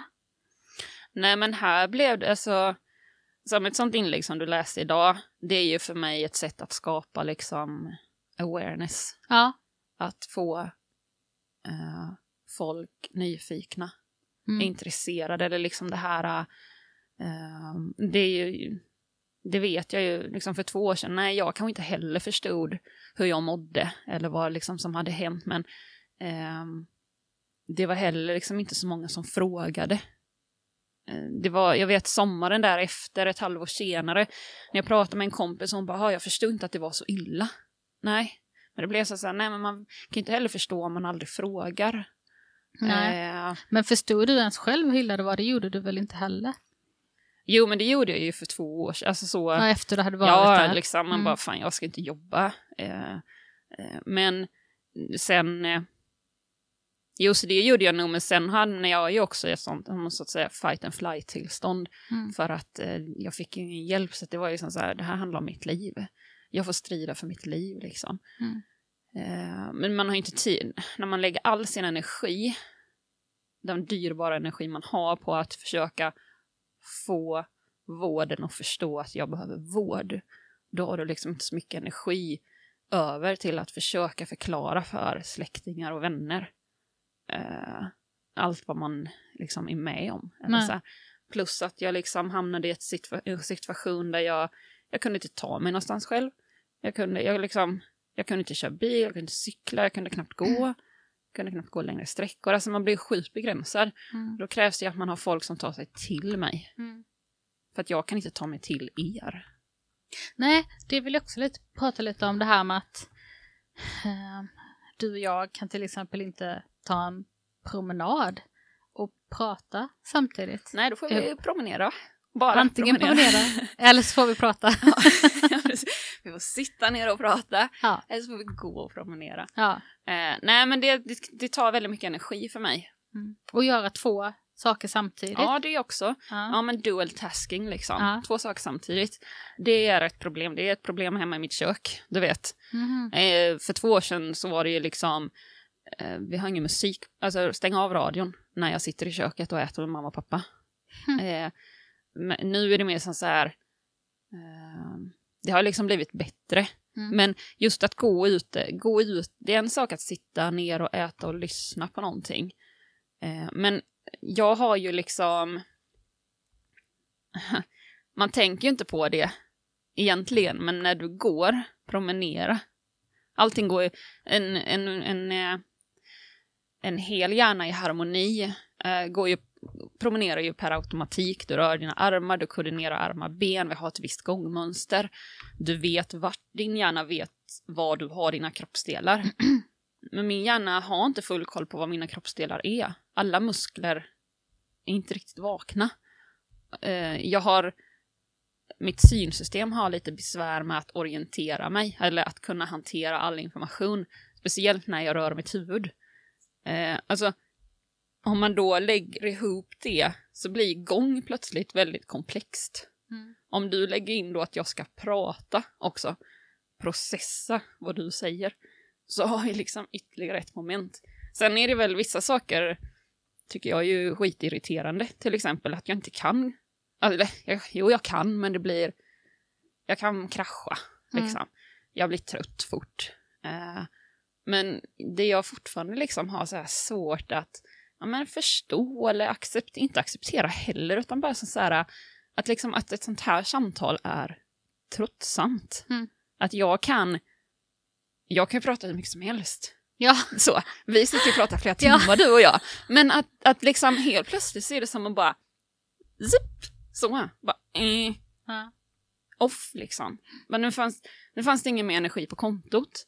Nej. Och det är så, så här, jag fattar inte.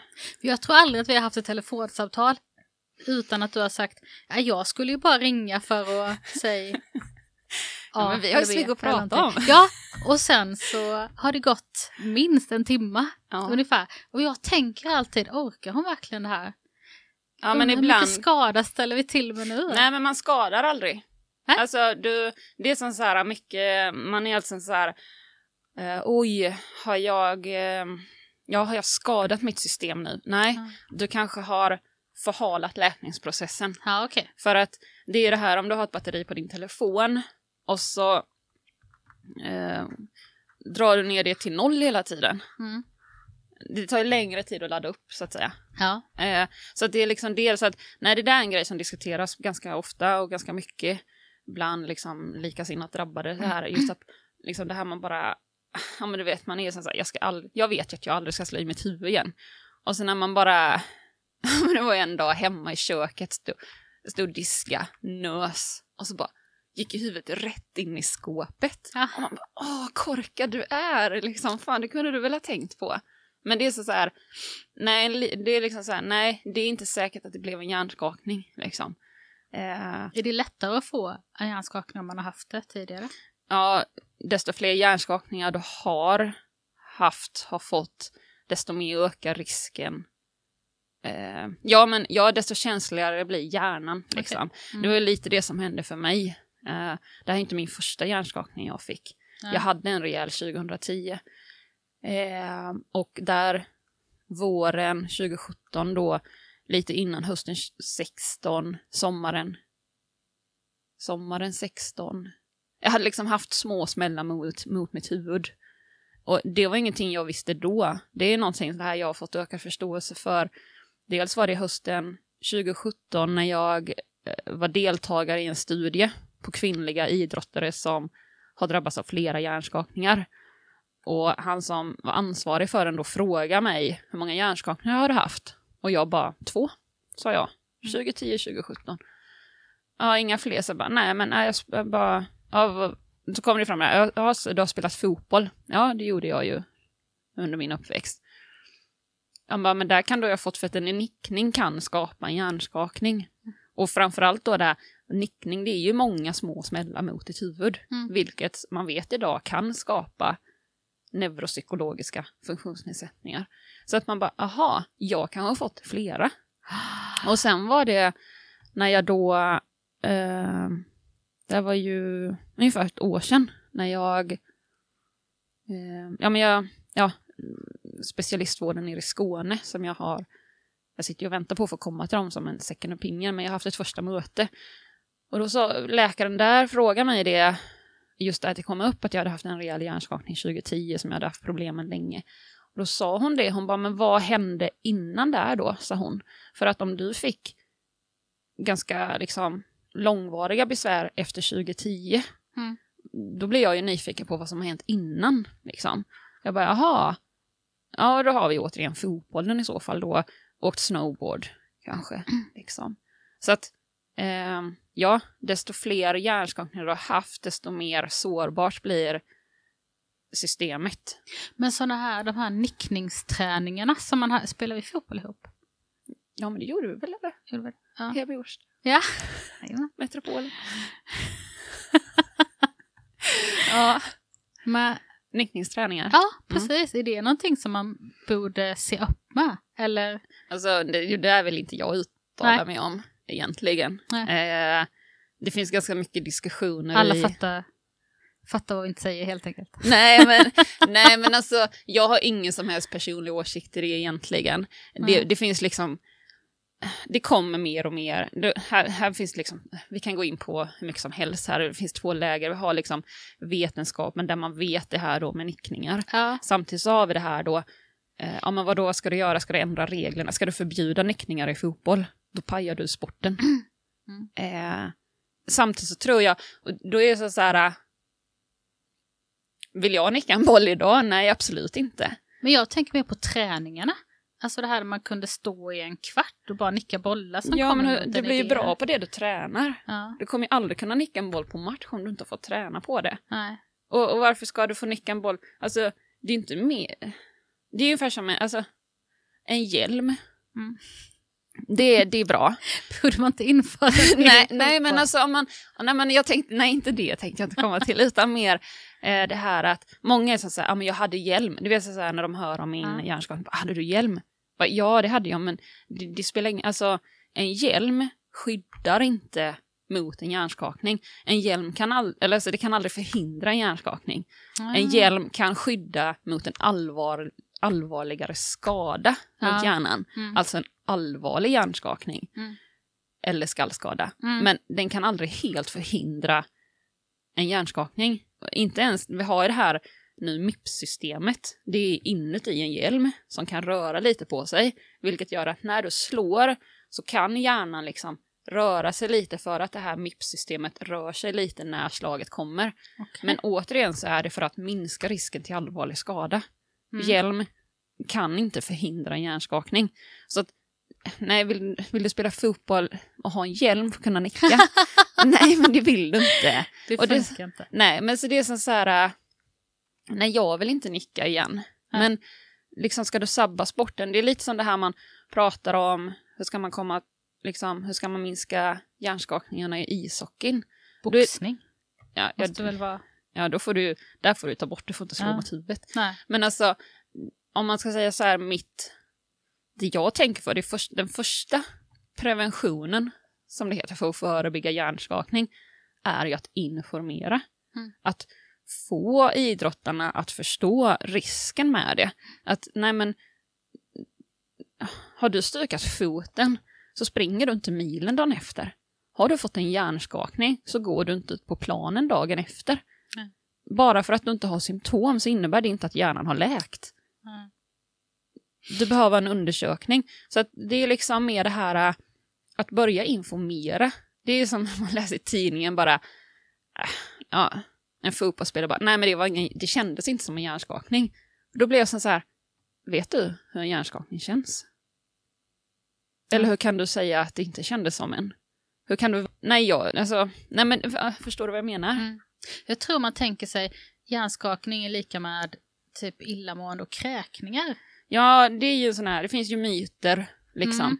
En är den här att hjälm eh, skyddar mot hjärnskakning, det är en myt. Mm. Eh, att du måste vara medvetslös eller spy Mm. för att ha fått en hjärnskakning, det är också en myt. Eh, det är inte så längre. Och sen samma det här att du måste vila ett mörkt rum. Nej, det är inte det som gäller längre. Det här med att man inte får, typ, jag vet inte om det bara gäller barn, men att man inte får somna. det vet jag inte riktigt. Nej, det, Det- uttalar vi oss inte om. Nej, nej, men där har man jag vet ju också så här, alltså en hjärna som är skadad Mm. behöver sömn för att läka. Mm. Så det är lika mycket så här, behöver du sova så sov. Mm. Samtidigt som nu i min, sen ett och ett halvt år sedan, det jag har ju, alltså, det är ju samtidigt här också den behöver rutiner, men just det här, det är skillnad på akut läge, och så är det skillnad på om man lever det här långvariga. Liksom. Ja, det är klart. Så att, nej, jag vill inte uttala mig riktigt om ska jag sova, sen kan det vara skillnad med barn och vuxna, Mm. men eh, Jag tror vi fick någon rekommendation att man skulle i vart fall rycka lite i tån för att se så att, det inte, Ja. att vi inte var medvetslösa. Och vissa gör ju så här att liksom att, ja precis, och just att och väck dem. En gång i timmen eller liksom ja, varannan men istället timme. för att väcka så kunde man se så Ja, alltså, ja. kittlar man under fötterna, Ja, man bara precis. fick en reaktion. Ja. ja, för det, det är ju det där, äh, det är ju samma som du kan göra en röntgen, en, en CT, det visar ju bara alltså strukturerna, skallen, en MR, det du vill utesluta är en blödning Mm. eller liksom strukturell skada.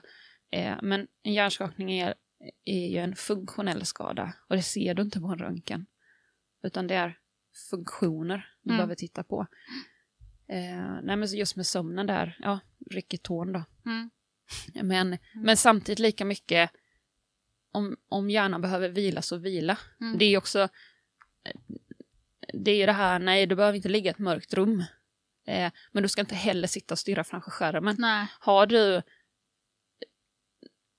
om du misstänker att du har drabbats av en hjärnskakning så ska du liksom avbryta aktiviteten och liksom chilla resten av dagen. Inga fysiska ansträngningar, inga mentala ansträngningar. Och sen är det ju, det är nog inte förrän man har en hjärnskada som man fattar hur mycket energi det tar av hjärnan att sitta framför en skärm. Mm. Vi har ju väldiga problem liksom att det här blåa ljuset, Ja. ingen mår bra av det, men absolut inte om du har lång, liksom de här visuella funktion, dysfunktionerna. Nej.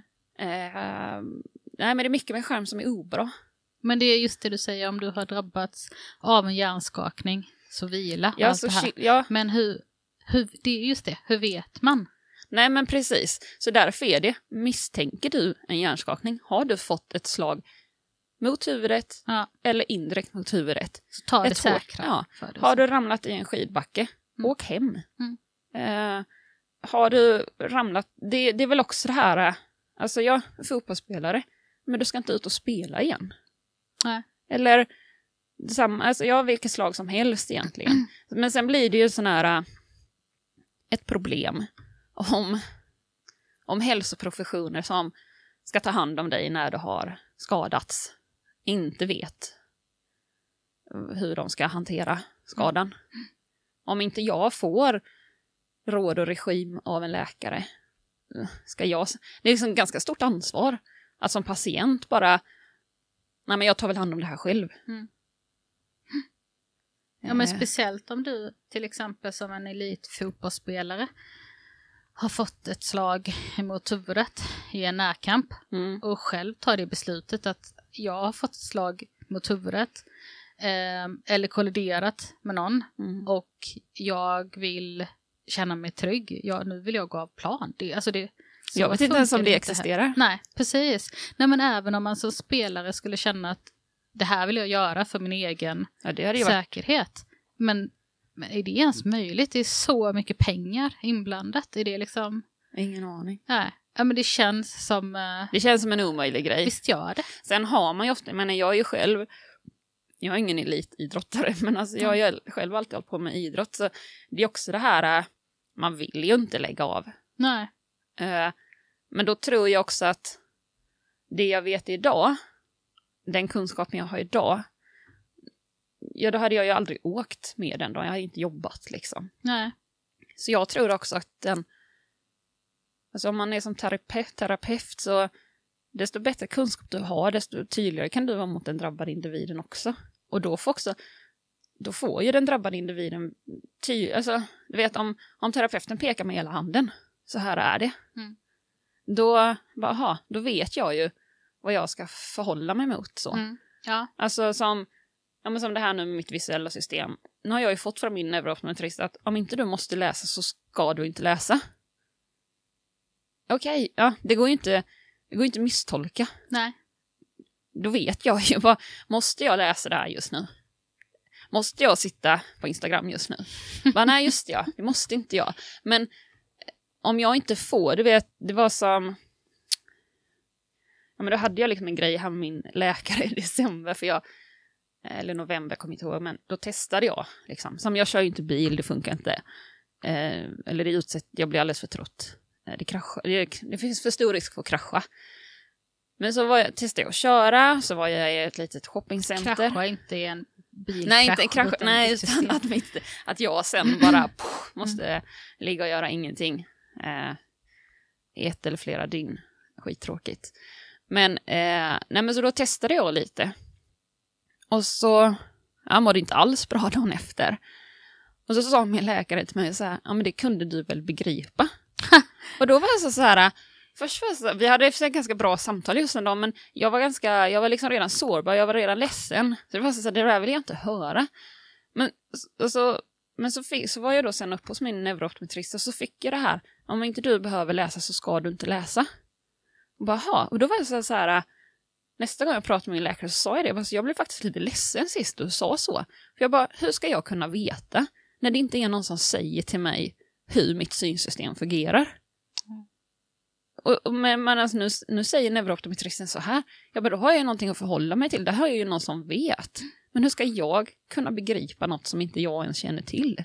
Jag är ingen expert på synsystemet. Så det är liksom så här, och då har vi liksom, nej. Hur ska jag som patient begripa hur jag ska rehabilitera mig om min terapeut inte ens vet det? Nej. Och då har du ändå mer kunskap än de flesta som råkar ut för det här. Ja, precis. Hur låter det i de olika communityna som finns på, på diverse sociala medier? Jag vet att du är med i vissa grupper med andra som har mm, Vad menar du? Vad tänker du då? Eller? Hur, vad har de fått för hjälp? Är det lika illa överallt eller? Ja, jag skulle vilja säga generellt så är det lika illa mm. och ibland är det värre och ibland är det bättre. Men det är ju mycket det här att vi hamnar i det psykologiska facket. Jag fick en utmattningsdiagnos. Mm. Och då vill jag alltid ifrågasätta, hur vet de det? Har de tittat på allting som de behöver titta på?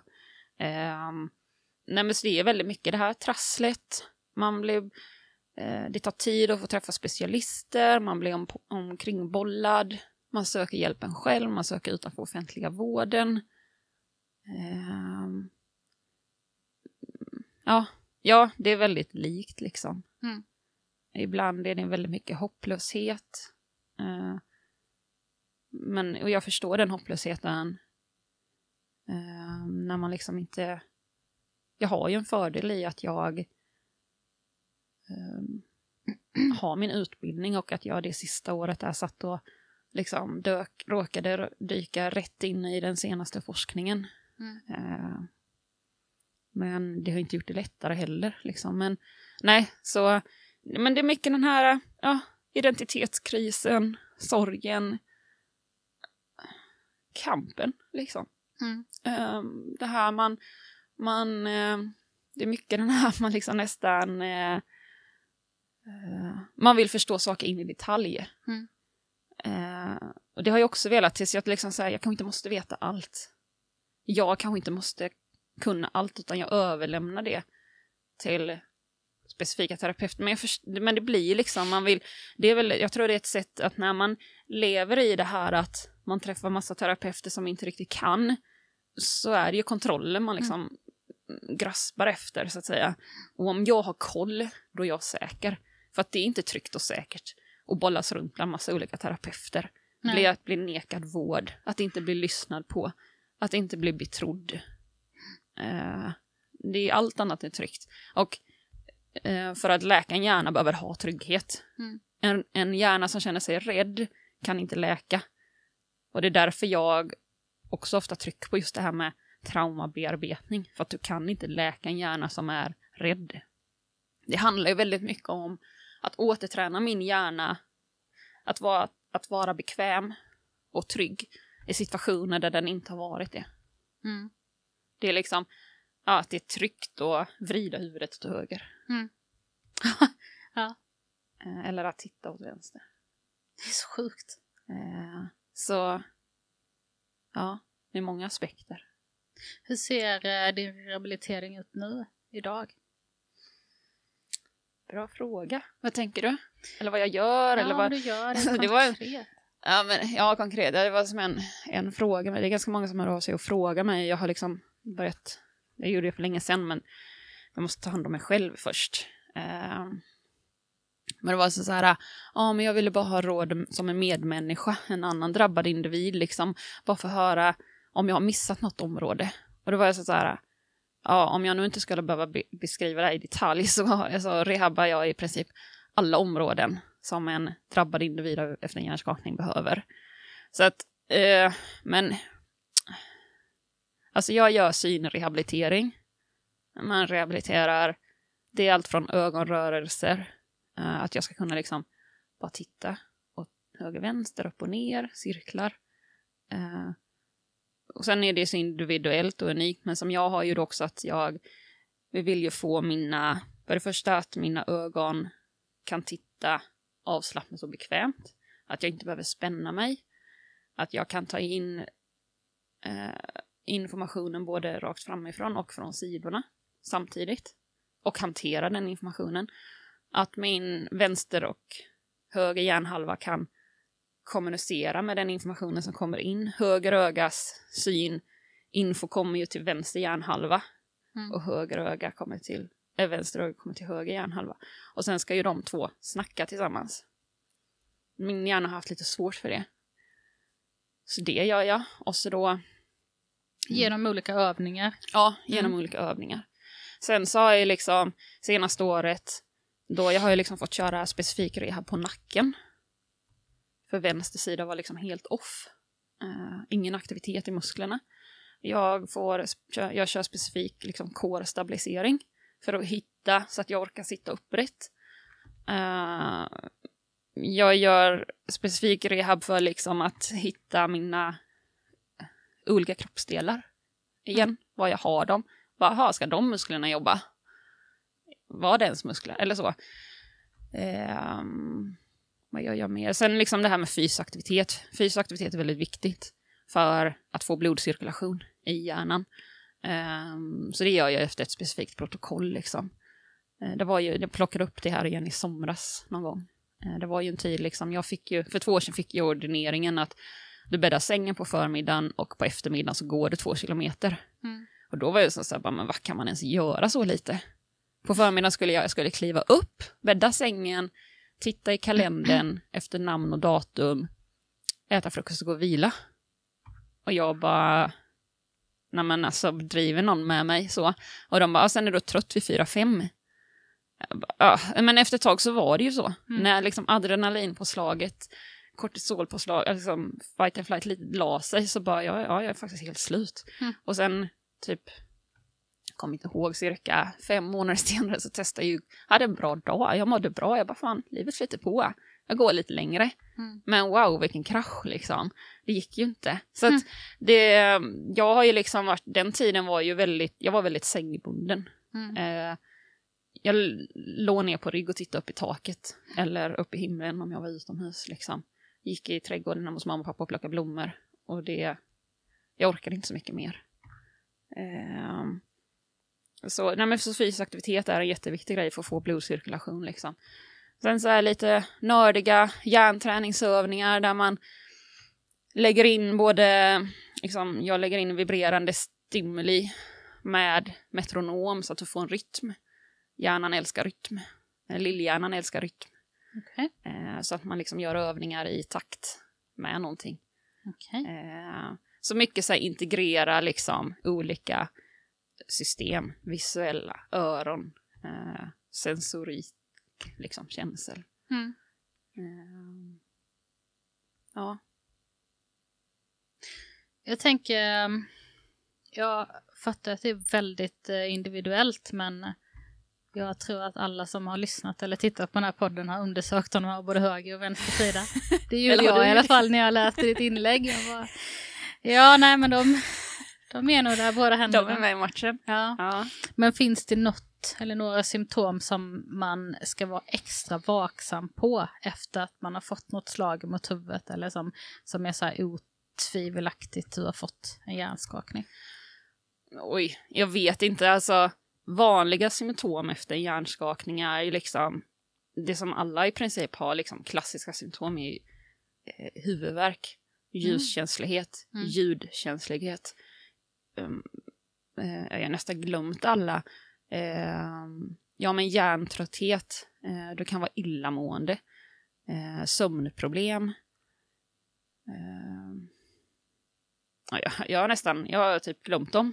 Det är en del av livet. Men det finns liksom en, ja men det finns en viss symptombild som nästan alla har. Mm. Men, och det är liksom så här, ja, klassiska symptom efter en hjärnskakning. Så att det är så här, var extra uppmärksam på. Om någonting ändras då egentligen? Jaha, Eller? Ja, men det är ju... Ja, men det där är ju liksom så här var, men det är liksom där, det är där sen om du tar hjälp av en terapeut. Ja, Alltså, då kommer vi in på något så här, hur ter sig hjärnskakningen? Mm. När är det liksom, är det vid sidan, uppe på, fram i pannan, är det bara höger eller vänster eller är det båda? Eh, när blir du, det, det jag som, det jag är som så här, om du som drabbad individ eh, lever med problem efter hjärnskakning och du vill liksom läka din hjärna, så är din bästa superpower är att bli vän med dina symptom. Att lära känna dina symptom. Att lära dig eh, vad är det som triggar hjärntröttheten. Liksom. Mm. Vad är det som triggar eh, att hjärtat rusar? Vad är det som triggar min huvudvärk och hur ter den sig? När får jag problem med att hänga med med ögonen? Liksom? När får jag migrän? Ja, migrän, alltså, vi har så många symptom. Att hjärtat rusar, det är också ett symptom. Ja, men det är lite sån autonom dysfunktion. eh, att det autonoma nervsystemet rubbas. Och, eh, ja, yrsel är ett vanligt symptom. Herregud, missar nästan det allra vanligaste. man bara, ah, whatever. Det är liksom bara en del av livet nu för tiden. Så, ah, men jag är lite, bara, ah, nej men det är så här, det är som nu coronatiderna. Mm. Du vet så här, ah, du får inte åka till vården om, om du har symptom. Ja, men jag har ju symptom varje dag. Mm. Hur ska jag veta vilka symptom som är vad? Om jag har eh, så att säga överbelastat mitt system idag, kraschat som jag kallar det, då kanske jag sover dåligt och så kommer jag vakna upp med typ ont i halsen-känning. Mm. Hosta. Jag bara, Ja, men jag har inte corona. Jag har bara ett trött system. Hänger Mm. du med? Det är liksom så här, men jag lever med symptom. Men yrsel är också väldigt vanligt och då är det ju samma där. Vad är det som triggar min yrsel? Är det när jag står i köket och har eh, 17 bollar i luften? Eller är det när jag sitter framför datorn? Eller är det när jag eh, rör mig på min promenad? Eh, Men, men det är ju liksom sådana där, och, men, och då är det det, om du lär dig det, då har du liksom mycket lättare, om du då säger det, om du kommer till en terapeut som kan det här då, och du, och du kan vara sådär specifik i vad som triggar, inte nog med att de behöver göra en ordentlig undersökning, men för att liksom kunna se vad har vi för helhetsbild. Men det underlättar ju också att liksom, som hjälper terapeuten att liksom typ kunna pinpointa vart behöver du? Mm. Eh, eller vart behöver vi liksom rikta fokus på i din behandling? För det är ju också en sån här, alltså i rehaben som du sa, vad, vad, är, vad gör jag med rehab just nu? Det är liksom så här, äh, ibland får man börja lite, får man pausa så får man lägga till något annat. Eh, det är liksom inte bara en sak. Det är så många system som ska funka tillsammans. Så jag kanske måste bara stabilisera nacken. Men sen måste jag gå in på proprioceptionen. Jag måste träna musklerna i nacken, men sen måste jag gå in på proprioceptionen i andra delar av kroppen. Va- vad är det för någonting? Ja, det är sådana här små receptorer i leder och muskelsenor som gör att jag vet att jag har mina leder. Okej. Men så behöver det också integreras med det visuella. Ja, du har tappat Ja, men, mig ja, men så att det är liksom så här, det är inte, det är inte bara, ja vi gör en, vi fixar ditt inneröra i din yrsel där. Dina kristaller har legat fel och så blir allt bra. Det kan vara så. Mm. Men i mitt fall är det definitivt inte så. Och inte i många andras fall heller. Så att det blir liksom en eh, komplex bild där du behöver in. Och så har vi då liksom, det kan vara den mentala biten. Psykolog, alltså det är det som skapar huvudvärk. Trauma kan skapa huvudvärk som symptom. PT, posttraumatisk stress, Mm. kan skapa huvudvärk som symptom. Så om jag då sitter med huvudvärk, ja men då kanske det är en, alltså ett trauma, en indikation på att jag sitter här och är livrädd för livet. Mm. Eller jag är rädd för att åka till läkaren. Mm. För att jag har haft så sjuka upplevelser med er. Mm. Jag hade ju det så för, vad är det, var i januari 2020. Jag, är in, nej men då ville jag inte gå till läkaren själv längre. Jag hade ju med mig mamma. Mm. Jag bara, jag går inte dit själv. På grund av hur du hade blivit bemött. Ja, jag var ju rädd. Alltså jag har varit rädd för vården. Mm. Jag litar inte på dem. Det har ju varit också något, så att jag har inte bara rehabiliterat mitt system, jag har liksom haft så massa andra saker att dela med. Och liksom bara det här att bli trygg i vården igen. Att Mm. lita på terapeuten. Ja, och sen har du också kombinerat med annan bearbetning av saker som har hänt tidigare i ditt liv. Ja, Också. men jag tror att det egentligen är oundvikligt. Ja. Eh, jag tror att allting hänger ihop. Mm. För att vi blir triggade i saker. Eh, vissa är så här, ja men det är klart, eh, du ligger ju hemma och har massa tid på att tänka. Men liksom, nej men det är inte bara det, utan det är så mycket, det är som det vi pratade om igår, att prestationsångest. Ja. Att bara, men, eh, men det är så så här, det finns en anledning till att du har en prestationsångest. Mm. Och, och grunden är ofta den att du inte ser ditt eget värde. Att du är bra som du är. Det är inte vad du gör, presterar. Ja. Som, för hade du bara, fan jag, jag är bäst, jag är kapabel, jag är stark, jag är fantastisk. Mm. Så behöver inte jag ha någon prestationsångest när jag sitter här, för det spelar ingen roll. Nej. Jag är bra som jag är. Men, och när man, så det är liksom, ja det rycker upp mycket andra trauman, men det är, jag tror ju också på att eh, ibland så händer saker oss som ger oss en möjlighet till att läka vårt förflutna. Mm. Eh, jag menar, det är ju liksom lite så här, det som... Ja, alltså fine. När jag för två och ett halvt år sedan sökte vård igen och sa vad jag visste, sa vad jag kunde, jag gjorde min röst hörd. Men det var ingen som ville lyssna. De vill ju liksom i min värld nästan så här, de vill ju tysta mig. Mm. Och sen har det ju kommit fram, bara, "Ja, men jag har ju varit rädd för att göra min röst hörd. Det blev ju inte bättre av att de inte ville lyssna på mig. Utan då fick jag ju lägga locket på igen. Och så fick jag ta en annan strategi att inte säga allt vad jag kan, utan låta dem göra det de vill. Det var inte heller bra. Det var ju bara ett exempel. Men ja, jo, jag har ju fått deala med mycket annat. Men Mm. det är väl det här äh, att liksom... ehm, att, att vara 35 och att plötsligt inte kunna ta hand om sig själv igen. Inte kunna åka och handla när jag vill, inte kunna göra vad jag vill. Att vara beroende av... Ja, men det var väl en sån första grej som jag upptäckte var jobbig. Jag har aldrig varit beroende av någon. Jag har alltid fixat allting själv. Det gjorde jag tidigt i mitt liv, kom jag ju på då. Mm. Jag har alltid, jag har rest mycket, jag har jobbat utomlands, jag har pluggat utomlands, jag har flyttat till andra sidan jorden. Jag fixade allting själv. Helt plötsligt så kan jag inte ens bära mina egna matpåsar. Ja. Jag måste be om hjälp. Ja. Och då kommer man så här, "Aha, varför har jag så svårt att be om hjälp? Alltså, så det kommer väldigt sån här, äh, och det Mm. kan vara inte någonting som jag hade tänkt på innan. D- så det, det blev, ja, det, det har varit en intressant resa, men jag, det finns ju också som så här, äh,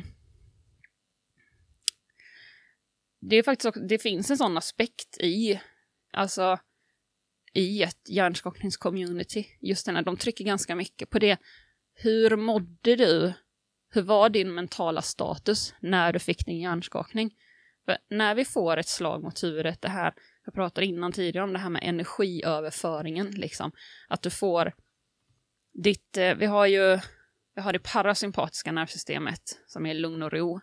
Och så har vi eh, eh, sympatiska som är liksom fight and flight.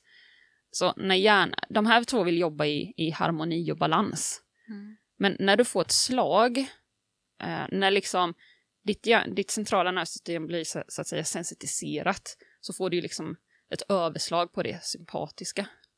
Eh, och då hamnar du i det här lite upptriggade. Eh, och, och ibland är det liksom just det som håller dig kvar och ger symptom. Som jag sa där innan, en hjärna kan inte läka om det är i fight and flight. Nej. Så du kan inte befinna dig i det. Men du har liksom fått ett trauma, fysiskt eller emotionellt, så är det fortfarande så att det sympatiska kan bli övertriggat. Och du måste få ner den nivån, det måste harmonisera sig. Har du då en liten andra trauman så kan det ju triggas ännu mer. Och sen inte bara... Och då har vi det här, hur mådde du mentalt när du fick smällen? Var du redan i, liksom, i ett sympatikuspåslag? Och så får du en smäll så hamnar du i ännu högre sympatikuspåslag. Så det, hänger du med? Ja. Ja. Men sen så får man ju också ha med det här, äh, mm, det finns ju mycket forskning på, liksom att eh, det är ju väldigt vanligt, först kommer en hjärnskada, sen kommer posttraumatisk stress. Så att det är liksom det här, vi, vi får liksom ett eh, ökat påslag av fight and flight. Och när, när du får ett slag mot huvudet. Och det är därför, vila, chilla, ta det lugnt. Du vill inte lägga på ännu mer stress på ett skadat Ah. system. Ja. Och det är därför så får du en smäll när du spelar fotboll, då skapas det en stress i, det, det akuta skedet skapas en, eh, alltså på cellnivå, en kemisk, Mm. alltså det, det blir som en, eh, en syrebrist i hjärnan. Mm. Och det, alltså, det, fin- det finns ingen annan, en strokepatient, om den patienten får en stroke så säger vi inte gå ut och spring milen. Nej. Det är liksom, nej, lägg dig ner och vila, spara på krafterna. Det pågår en, en akut eh, syrebrist i din hjärna. Mm. Och vi vill, vi måste liksom samla energi så att den får ta hand om det. Vi vill inte göra av med energi. Men så det du sa precis, det är ju så otroligt viktigt att känna till att det bästa som man kan göra genom att lägga sig ner och vila är att försöka eliminera det här fight and flight. Ja, det är precis. Ja. Andas, ta det lugnt. Eller Ja. man måste inte kanske så här specifikt lägga ner på soffan och vila, Nej. utan bara, men liksom, ja men gör lite mat hemma, rör dig lite hemma, men inte det här stresspåslaget. Men Precis. det är, vad, vad händer när vi bara, ja men, eh, nej men jag skulle ju på det här mötet ikväll och så har jag det denna veckan och så skulle jag ju bara, det, vi har ju så mycket skulle och måste. Mm. Jag vet en som hörde av sig för typ ett år sedan, jag bara, du behöver vila. Ja men det går inte, jag måste jobba. Mm. Ja men fan gör det då. Mm. Vad ska jag säga? Men vi har ju liksom, då är det så här, men vad, vad är det vi prioriterar? Nej. Kan vi prioritera vår hälsa så pass mycket så att vi kan lägga oss ner och bara ta det lugnt lite? Men är det inte lite som när man får, om man blir biten av en orm? Ja. Och att det bästa man kan göra är att liksom ta det lugnt för att stressa upp dig så pumpas blodet fortare och giftet sprids. ja, ja, just det. fortare. Ja. Medan om du bara tar det lugnt så giftet sprider väl sig i alla fall, men det går inte lika fort. Ja, nej, men Alltså, det är är en lite- smart liknelse. Mm. Sen har vi klart det här, äh, jag menar, ja men det här man pratar om att vi är savannfolk, vi ska springa ifrån lejonet när det kommer på savannen. Mm. Så det är kanske det är lite, det kommer en skada, det kommer ett hot mot vårt hjärna, Mm. så vi springer. Ja. Det men det är också så här, för det är lättare att fäkta och fly ja. än att bara sitta ner och ta, ta jobbet liksom. Fast hjärnan har ju ändå utvecklats från att vi var de savannmänniskorna, så att nu har vi ett annat medvetande som vet att det står inget lejon och jagar oss. Ja. Och vi, vi, vi vet att det som händer nu kan vi, eh, vi kan jobba åt andra hållet genom att ta det lugnt. Ja, men det är också en grej som jag har upplevt, eller upplever, ja, men som det här, vården vill ut mig på grön rehab. Och jag är så här, men snälla ge mig tid. Min hjärna behöver tid, lugn och ro till att läka och göra rätt rehabilitering. Den behöver inte stress liksom. Jag, nu har jag varit sjukskriven i typ två år. Eh, men det är som jag har sagt, eh, det är först egentligen det, det är bara det senaste halvåret som det har varit en typ behaglig färd. Och liksom jag bara, jaha, är det så här sjukskrivning ska kännas? Är det så här det ska vara? Jag ska ha tid till att utföra rehabilitering. Mm. Jag behöver inte sitta i ett konstant fight and flight och kriga för min rätt till vård liksom. Eh, men så nu är jag så här, snälla ge mig tid så att jag får göra det jag behöver istället för att ni ska ha så sjukt jäkla bråttom att få ut mig på arbetsmarknaden igen. Mm. Eh, jag var här hos min fysio häromdagen. Ja, men då är det här liksom, jag försöker hitta vad mina skulderblad är så att rätt muskler kan jobba. Och så säger den, säger sjukgymnasten bara, jag är imponerad över att du liksom bygger upp dig så från grunden att du, du hade lika gärna kunnat gå ut och lyfta en skivstång. Ja, det hade jag ju, men jag har ju också redan typ testat det och vet att köra över symptomen, det är ju inte grejen. Nej. Utan vi måste bygga upp det långsamt och sen så eh, dysfunktionell som hela mitt system är, då har man ju också den här eh, aspekten att om du som terapeut förstår helheten så skulle du också förstå varför jag väljer att jag måste kunna hitta mina skulderblad innan jag gör någonting annat. Mm. Jag kan inte lyfta en skivstång ens, eller så. Jag har inte gjort någonting på två år. Jag har Nej. aldrig varit så klen. Kroppen har alltid varit mitt verktyg, men nu bara... Nej, man bara... Förstår dig fullt ut. jag har tyvärr ingen jag kan skylla på. Ja, men ja, det är väl också så här, vad fan kan jag inte ens ta... Bara, nej, nej, klen. Mm. Ja, men det, men, nej, men så det är som så här, men då har man ju också det här, jag har ett helt system emot mig. Vårt regelverk är emot mig att få ta det lugn och ro liksom. Utan det är ju också något, jag menar, en psykologisk aspekt i det här är ju den här stressen över vårt regelverk, Försäkringskassan. Mm. Alltså, att jag som patient sitter och tar de här diskussionerna med min handläggare på Försäkringskassan. Det är liksom så här, det tar ju all min energi på en dag. Mm. Och så fort de ringer, alltså man får ju man blir ju bara, du vet hjärtat bara, jag håller ju på att hoppa ur bröstkorgen känns det som ibland. Man Mm. blir ju så uppstressad. Mm. Och det här, det är som, ja, corona, pandemin, ja det må vara så att det ställer till saker i världen och eh, livet förändras för många och folk till och med dör, men liksom det här att plötsligt har Sveriges regering fått upp ögonen för hur deras eh, sjukvårdssystem typ fungerar. Mm. Att det här bara, ja ah, det funkar visst inte att de blir utskrivna från Försäkringskassan efter 180 dagar när de inte ens har fått sin medicinska rehabilitering. Då blir det så här, men det har ju hundratusen, hur många människor som helst har suttit i den här sitsen sedan 2014 eller vad det är. Mm. Men det krävdes en pandemi för att, för att regeringen och allmänheten ska vakna och förstå hur det faktiskt fungerar. Ja. Eh, det är mycket som pandemin som jag bara... Tack världen. Tack för att ni belyser viktiga områden. Mm. Eh, jag har aldrig hört en politiker säga så innan att de måste ju få först få re- medicinsk rehabilitering. Man bara, fan jag sitter ju här och krigar sedan två år tillbaka för att få det. Mm. Eh, och det...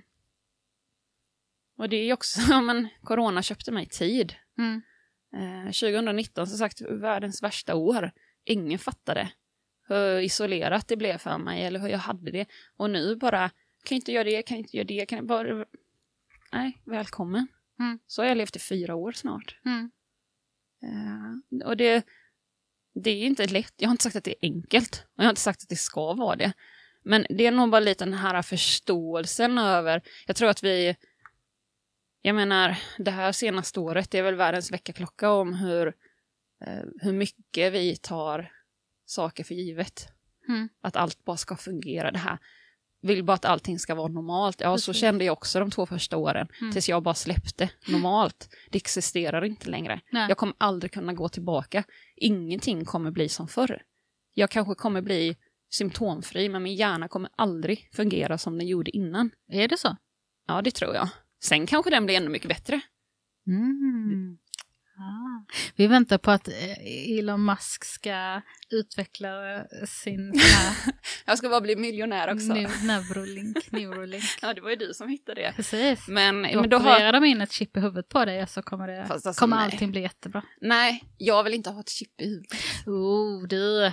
Vänta bara. Nej, men då... Om nej. 15 år kanske du känner helt Ja, annorlunda. ja, då kanske jag har testat alla de här. Ja, om 15 år kanske jag, om jag har testat alla de här andra grejerna som jag tänkte testa innan dess Mm. och bara, är det här funkar inte, ja då kanske. Plus om jag då har blivit rik på kuppen. Mm. För att eh, det kommer säkert inte kosta gratis. Nej. Ett chip. Nej, men du kan få är ju, ah, schysst. Nej, jag tror inte det. Nej.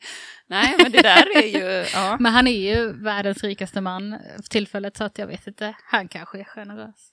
Ja, det är ju det. Vissa har för mycket pengar. Mm. Det är ju, ja. Mm. Vi får Nej. väl se. Ja, vi får se.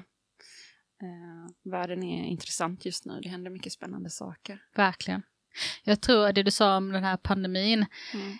Det kommer säkert komma mycket bra saker ur det. Det är många som har haft tid att sitta hemma, fundera. Säkert en hel del idioter som kommer komma. Ur också, ut också. Ja. Ja. Men, ja, men det här är också en intressant, detta är också något vi pratar mycket i uh, concussion communityt och att, att hur, eh, vad du behöver för att läka din hjärna. Och det är ju det här a growth mindset. Alltså du behöver ha ett mindset eh, där du tänker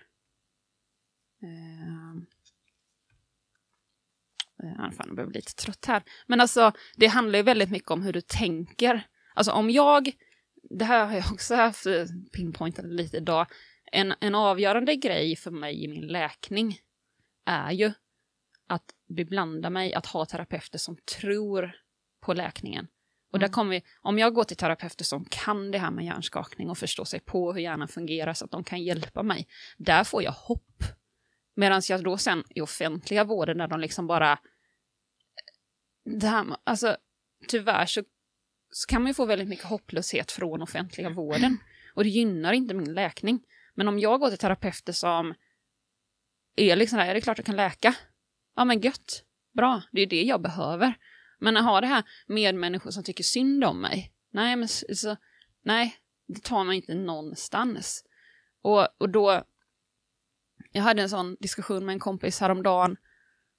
Eh, ja, liksom ha, ha, ha ett arbete som hon inte längre gillar. Och så skulle hon iväg. Eh, och, jag, och, hon, ba- och så sa hon så här någonting, bara, ja men eh, jag får visualisera att de här två veckorna bara, ja de får vara färdiga. Jag bara, ja det är klart du ska göra det, sa jag. Hur tror du att jag tar mig igenom varje dag när jag går upp varje morgon? Alltså jag visualiserar ju varje dag vart jag vill komma. Mm. Att jag liksom, jag skapar ju, det är det här man pratar om, det här senaste neurovetenskapen, att eh, eh, neurons that fire together wire together. Så om du har den här eh, liksom tron, eh, faith, believe, Mm. eh, eh, det är ju som när jag gör eh, vissa rehabövningar är ju inte speciellt roliga. Så då måste man ju liksom intala sig att det är kul. Det är enkelt, det är roligt. Och då gör jag ju det när jag gör mina övningar. Nu blir det mycket engelska termer ibland för att det funkar för mig, men det är liksom det här, this is simple, this is easy, this is fun. Mm. För det blir inte bättre av att jag bara står där och gör vad jag än gör och bara, "Ah, fan vad tråkigt det här är idag också. Alltså att visualisera, att liksom ta det här situationen och växa och bli starkare och komma starkare ur det. Mm. Eh, det andra alternativet är ju liksom ta på dig offerkoftan. Mm. Och tycka att det här är skitjobbigt och jag vill bara att allting ska bli normalt. Men bara liksom omfamna förändringen. Mm. Det är inte säkert att det här är någonting dåligt. Men det är upp till dig att liksom bestämma själv. Mm. Vill du att det här ska bli något bra av det här eller vill du att det bara ska vara skit? Mm. Om du har valt att bara ska vara skit, då, då kommer det vara bara skit. Ja, Så att, ja, precis. Inställningen. inställningen ja. Mm. I allt. I det är allt, så ja, otroligt viktigt. precis. Så otroligt, otroligt viktigt. Och det är väl det som man kanske gemene man, eh, ja men som i den här pandemin, liksom bara, ja, det det är, det är liksom, det har kommit mycket gott ur det. Och jag, har- jag har aldrig sett så mycket folk utomhus i Falkenberg för Nej. känns det som. Så här. Alltså, och det, man har ju fått slåss om grillplatserna. Mm. De har varit upptagna. Mm.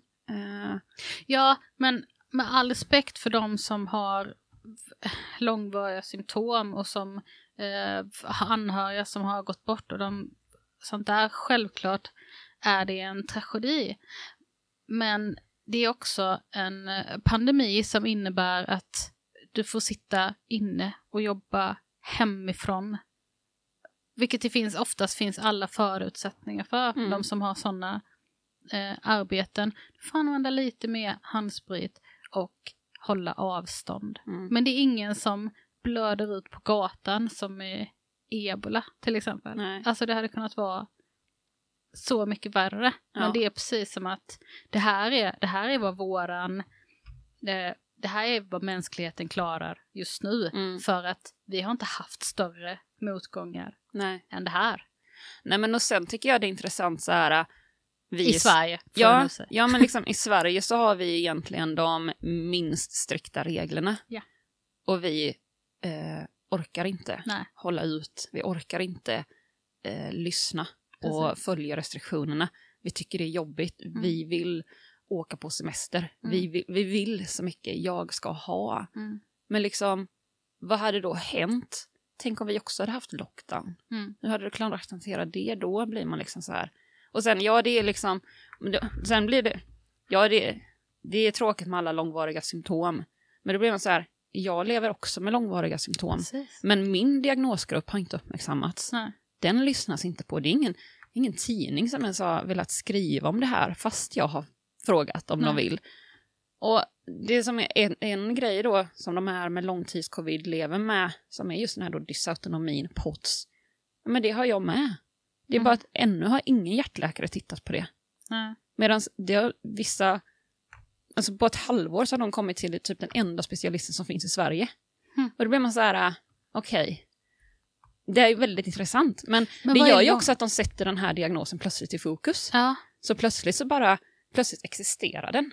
Ja. Från att jag för ett år sedan liksom var, både från specialistläkare och allmänläkare som säger Frida, lägg ingen energi på något du inte kan göra någonting åt. Nej. Man liksom bara, men jag orkar inte mer. Kan inte bara hjälpa. Medan här nu då, covid slår till, pandemin förlamar världen. Många drabbade individer med långvariga symptom. Och de kommer väldigt fort till specialister som kan. Men vad är långvariga symptom? För att för ett år sedan så hade vi ju precis hört talas om det här. Jag, jag vill inte säga vad covid långvariga symptom är.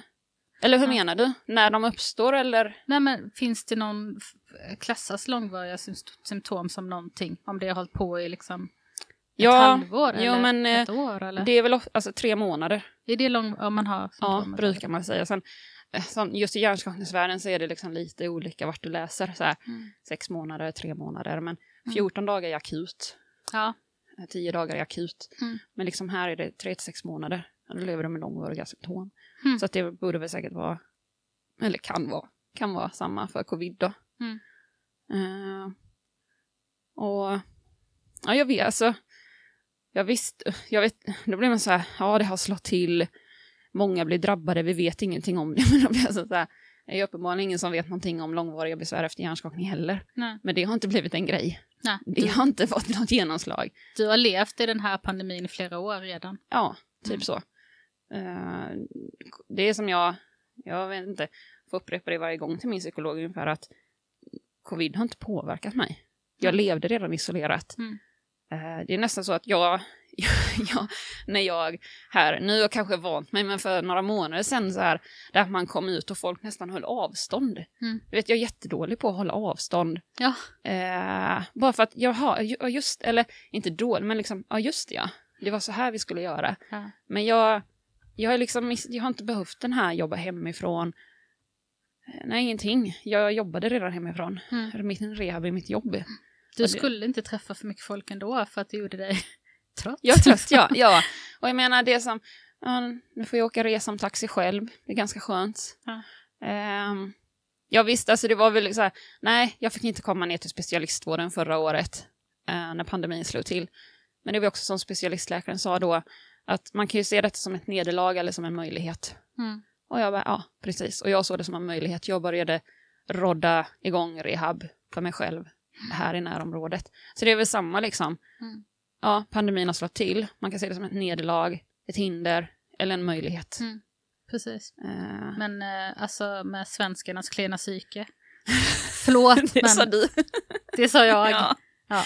Jo, men jag Vi tror... har ingen annanstans att springa än till att det är synd om oss. Nej, och det är väl också den här, men det är också det här, vi har aldrig fått träna på kriser. Nej. Vi har aldrig, eh, jag menar jag var väl i samma här för två år sedan, bara shit, plötsligt kunde jag inte göra vad jag ville. Jag kan inte resa när jag vill. Nej. Jag kunde inte ens cykla.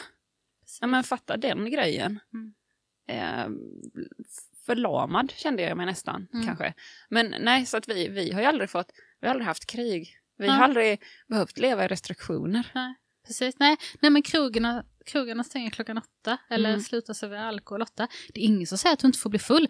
Du måste bara börja klockan tolv. Nu får du börja servera starksprit eller vad fan det är. Ta ett Alltså, glas champagne klockan 12 på eller dagen. hur? Hur gött som Mer helst. champagne åt folket.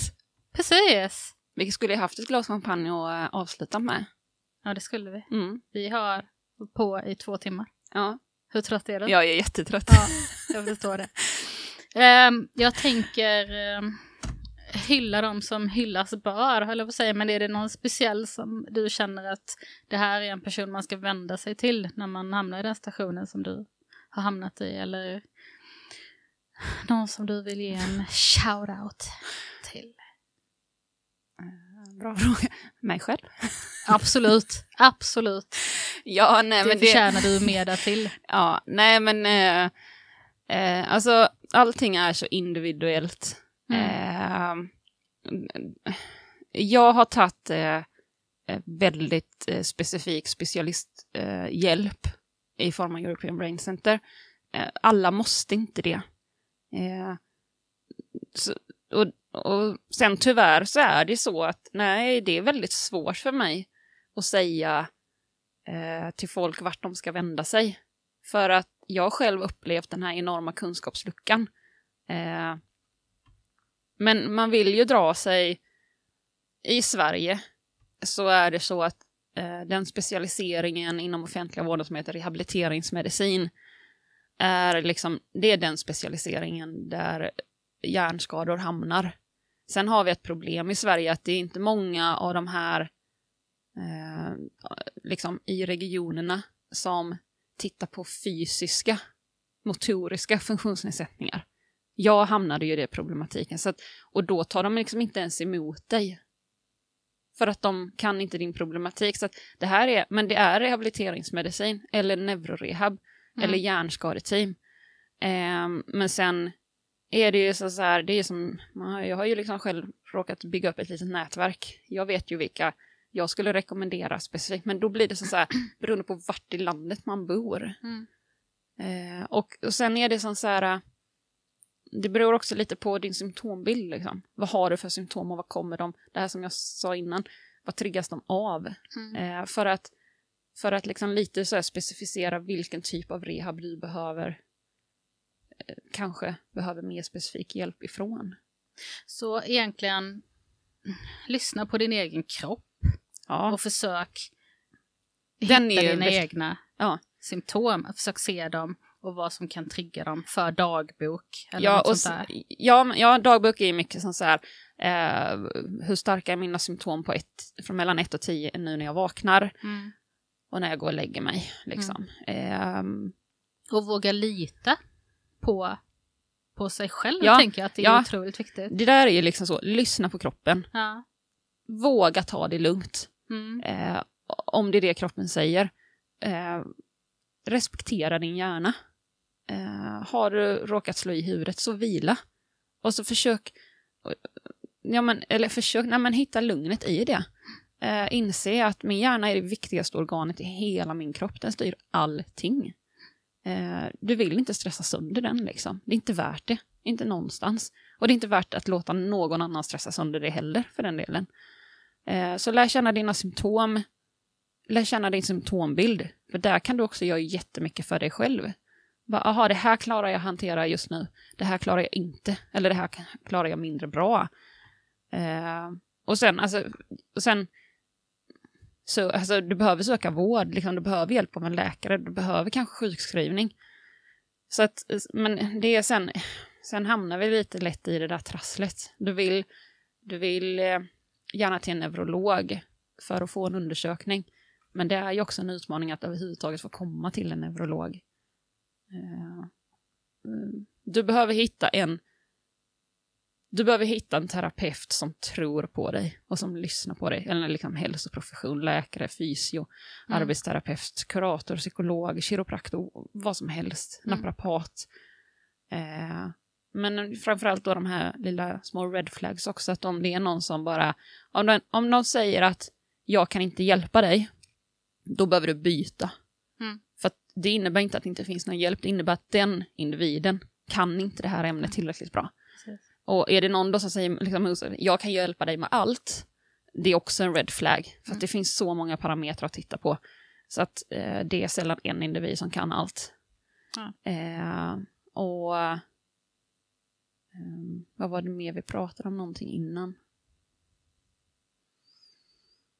Mm. Ja men det är liksom typ de stora sådana red flags liksom. Mm. Och bara sluta inte ge upp, det finns en hjärnskakning är behandlingsbar, det är en funktionell skada.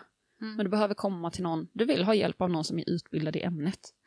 Eh, Det gäller alla skador. Sen är det en extra utmaning, men du kan också göra mycket med det för dig själv, liksom just det här att bara lugna systemet. Mm. Lugn och ro, ingen stress. Eh, Lita på den. Men sen är det ju svårt att parera, för man blir ju lätt så här bara, den här ovissheten, Mm. den är jobbig. Men det är också något jag har gjort så här, älska. Jag har ju tränat på att lära mig älska ovissheten. Mm. Eh, och det funkar skitbra. Ja, det enda det är ju att man inte vet. Ja. Lite. Det ger ju också dock förutsättningen att jag kan skapa, det är ju det här, en hjärnskada är, saknar prognos. Mm. Det var som också min psykolog frågade här hjärn- synrehabilitering, bara, vad är prognosen? Jag bara, men det vet vi att det finns ingen prognos liksom. Så att det finns ingen prognos, det skapar förutsättningar för mig att bestämma min prognos. Det är därför som så här, Mm. nej min hjärna kanske inte blir som förr, men kanske blir ännu bättre. Jag kanske blir en jävla en superhuman. Mm. Med rätt behandling, med rätt Med hjälp. chippet. Nej, utan chippet. Nej, inga chip. Den här podden är sponsrad av Elon Musk. Ja, men nej, men så att, eh, och då kommer vi in på det här mindsetet igen. Mm. Jag har också varit som så här, jag var jättearg på min hjärna för två år sedan, eller där liksom, nej jag vet inte exakt när, men det är klart att man har en frustration. Mm. Liksom bara, men varför funkar du inte för? Men samtidigt är det som, som man bara, det, eh, jag vet inte när det var som värst, det kanske var det, men det har varit väldigt trassligt sommaren, hösten 2019. Men medan jag, jag nu bara, liksom, när jag inser hur mycket min hjärna har gjort för mig, sättet den har överlevt på, alltså hjärnan är så smart så att om, ett, om en kontakt inte funkar så skapar den en annan kontakt för att ta mig fram. Jag visste inte att jag hade en vänster sida, så jag har, jag har ju fortfarande, liksom, jag, jag upptäckte det i morse, bara, aha, jag, skydd, jag skyddar liksom min sida. Hmm. Det är ju för att det har varit mitt sätt, för jag har inte ens vetat att den är där. Så den, den, den skapar ju nya vägar och banor för att ta dig fram Mm. när den inte funkar som den ska. Jag har genomfört, jag slutfört en akademisk utbildning med en mild traumatisk hjärnskada. Som du sa, jag har en hjärnskada men sitter och fightas med sjukvården och försäkringskassor. Eh, sen är det inte alltid jättebra, det ska inte behöva vara så. Men ehm, Men det går. ja, Även om det inte är att rekommendera. Nej, ja men precis. Nej men inse, bli, bli bästa vän med din hjärna. Mm. Den gör allt vad den kan för att du ska läka. Det enda du behöver göra är att sluta stå i vägen för dig själv. Vilken jävla avslutning. Lyssna på symptomen. Nej men det, och det är så jävla sant liksom. Mm. Eh, det är väldigt intressant. Sen att jag råkat glömma mina, vad, vad som är normalt, det är en annan femma. Då behöver jag hjälp av terapeuter att liksom hitta tillbaka till center. Mm. Eh, men när de har fått in mig där så är det ju min uppgift att hålla mig kvar där. Jag kan ju inte hålla på och gå till terapeuter som ska få in mig där hela tiden. Nej. Så det här är också en viktig sak. Vi kommer aldrig hinna sluta. Men men eh, liksom det här, man pratar aktiv rehabilitering och passiv rehabilitering. Eh, man, behöver, man kan behöva hjälp med aktiv rehabilitering, alltså du går till en terapeut som gör manuella terapier eller eh, mjukdelsbehandling eller alltså så här, massage, mm, jag kan inte, massage var inte jättebra förslag, men du behöver liksom hjälp med strukturerad träning till exempel. Ja. Men sen är det ju jag som måste göra träningen. Du kan inte bara gå till terapeuter som gör saker på dig. För att det är som i min värld, du kan inte bara gå till en kiropraktor hela tiden och tro att du ska bli bra. Du Nej. måste också kanske stabilisera upp eller träna vissa muskler. Mm, Man måste jobba tillsammans liksom. Så att, tro inte att du bara kan gå till någon och bli bra. Det finns inget magiskt piller.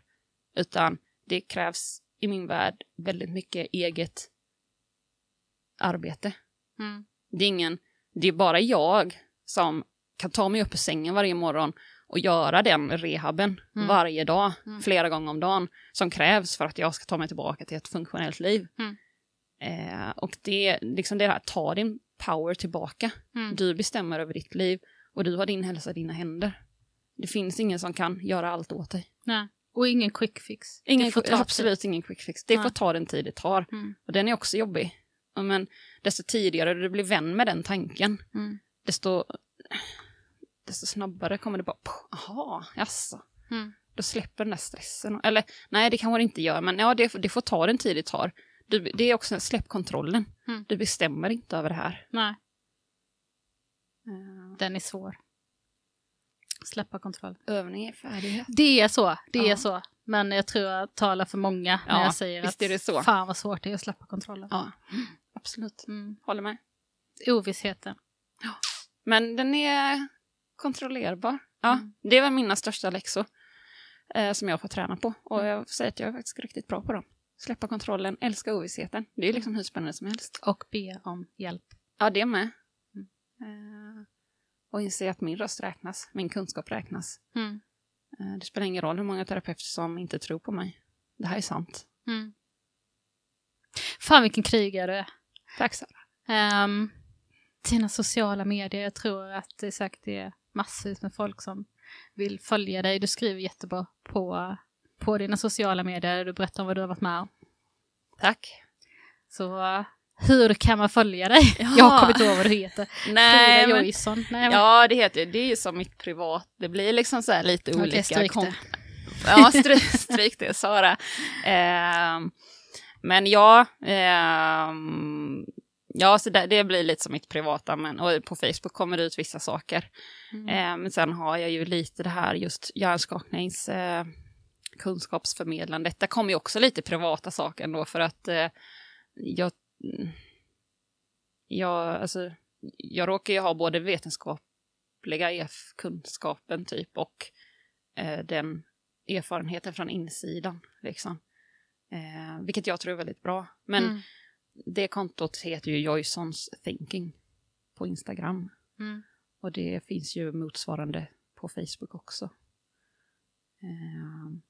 Mm. Och, Och sen det- får man väl, sen kan man ju fran- chansa, Frida Joy- Joysson. Antingen så släpper jag in dig eller så äh, kommer du inte få komma in där liksom. Men fan, mitt liv är ju också privat. Ja, absolut. Eh, sen har jag, och sen är det väl, det var ett tag jag hade det öppet, men eh, det är ju också så, baksidan med sociala medier är att man kan få vad som helst efter en då. Eh, så att ett tag så vart det som så här, nej. Men, men det har ju också varit en del att våga, våga vara sårbar, träna på att våga vara sårbar. Det är ju också det här, ehm, det är ingen dans på rosor och läka en hjärna. Och alla som tror att det skulle vara det, eh, man vill ju väldigt, eh, det är ju väldigt mycket så här, sociala medier, att allting ska vara vackert och glamoröst och bra, eh, fast det inte är det. Mm. Men jag har inte haft några problem, om jag ska kunna vara sann mot mig själv, så är det så här livet med att läka en hjärnskada med allt kaos vad det har inneburit. Eh, liksom, det är så här det är. Mm. Eh, och mm, vissa blir rädda, eh, har jag ju lärt mig längs vägen. Medan det, liksom, det är inte det som är tanken, utan det är ett sätt att förmedla ja, awareness över det. Liksom. Mm. Och det behövs. Ja, det behövs. Verkligen. Ja. Mm. Så eh, det rekommenderar jag.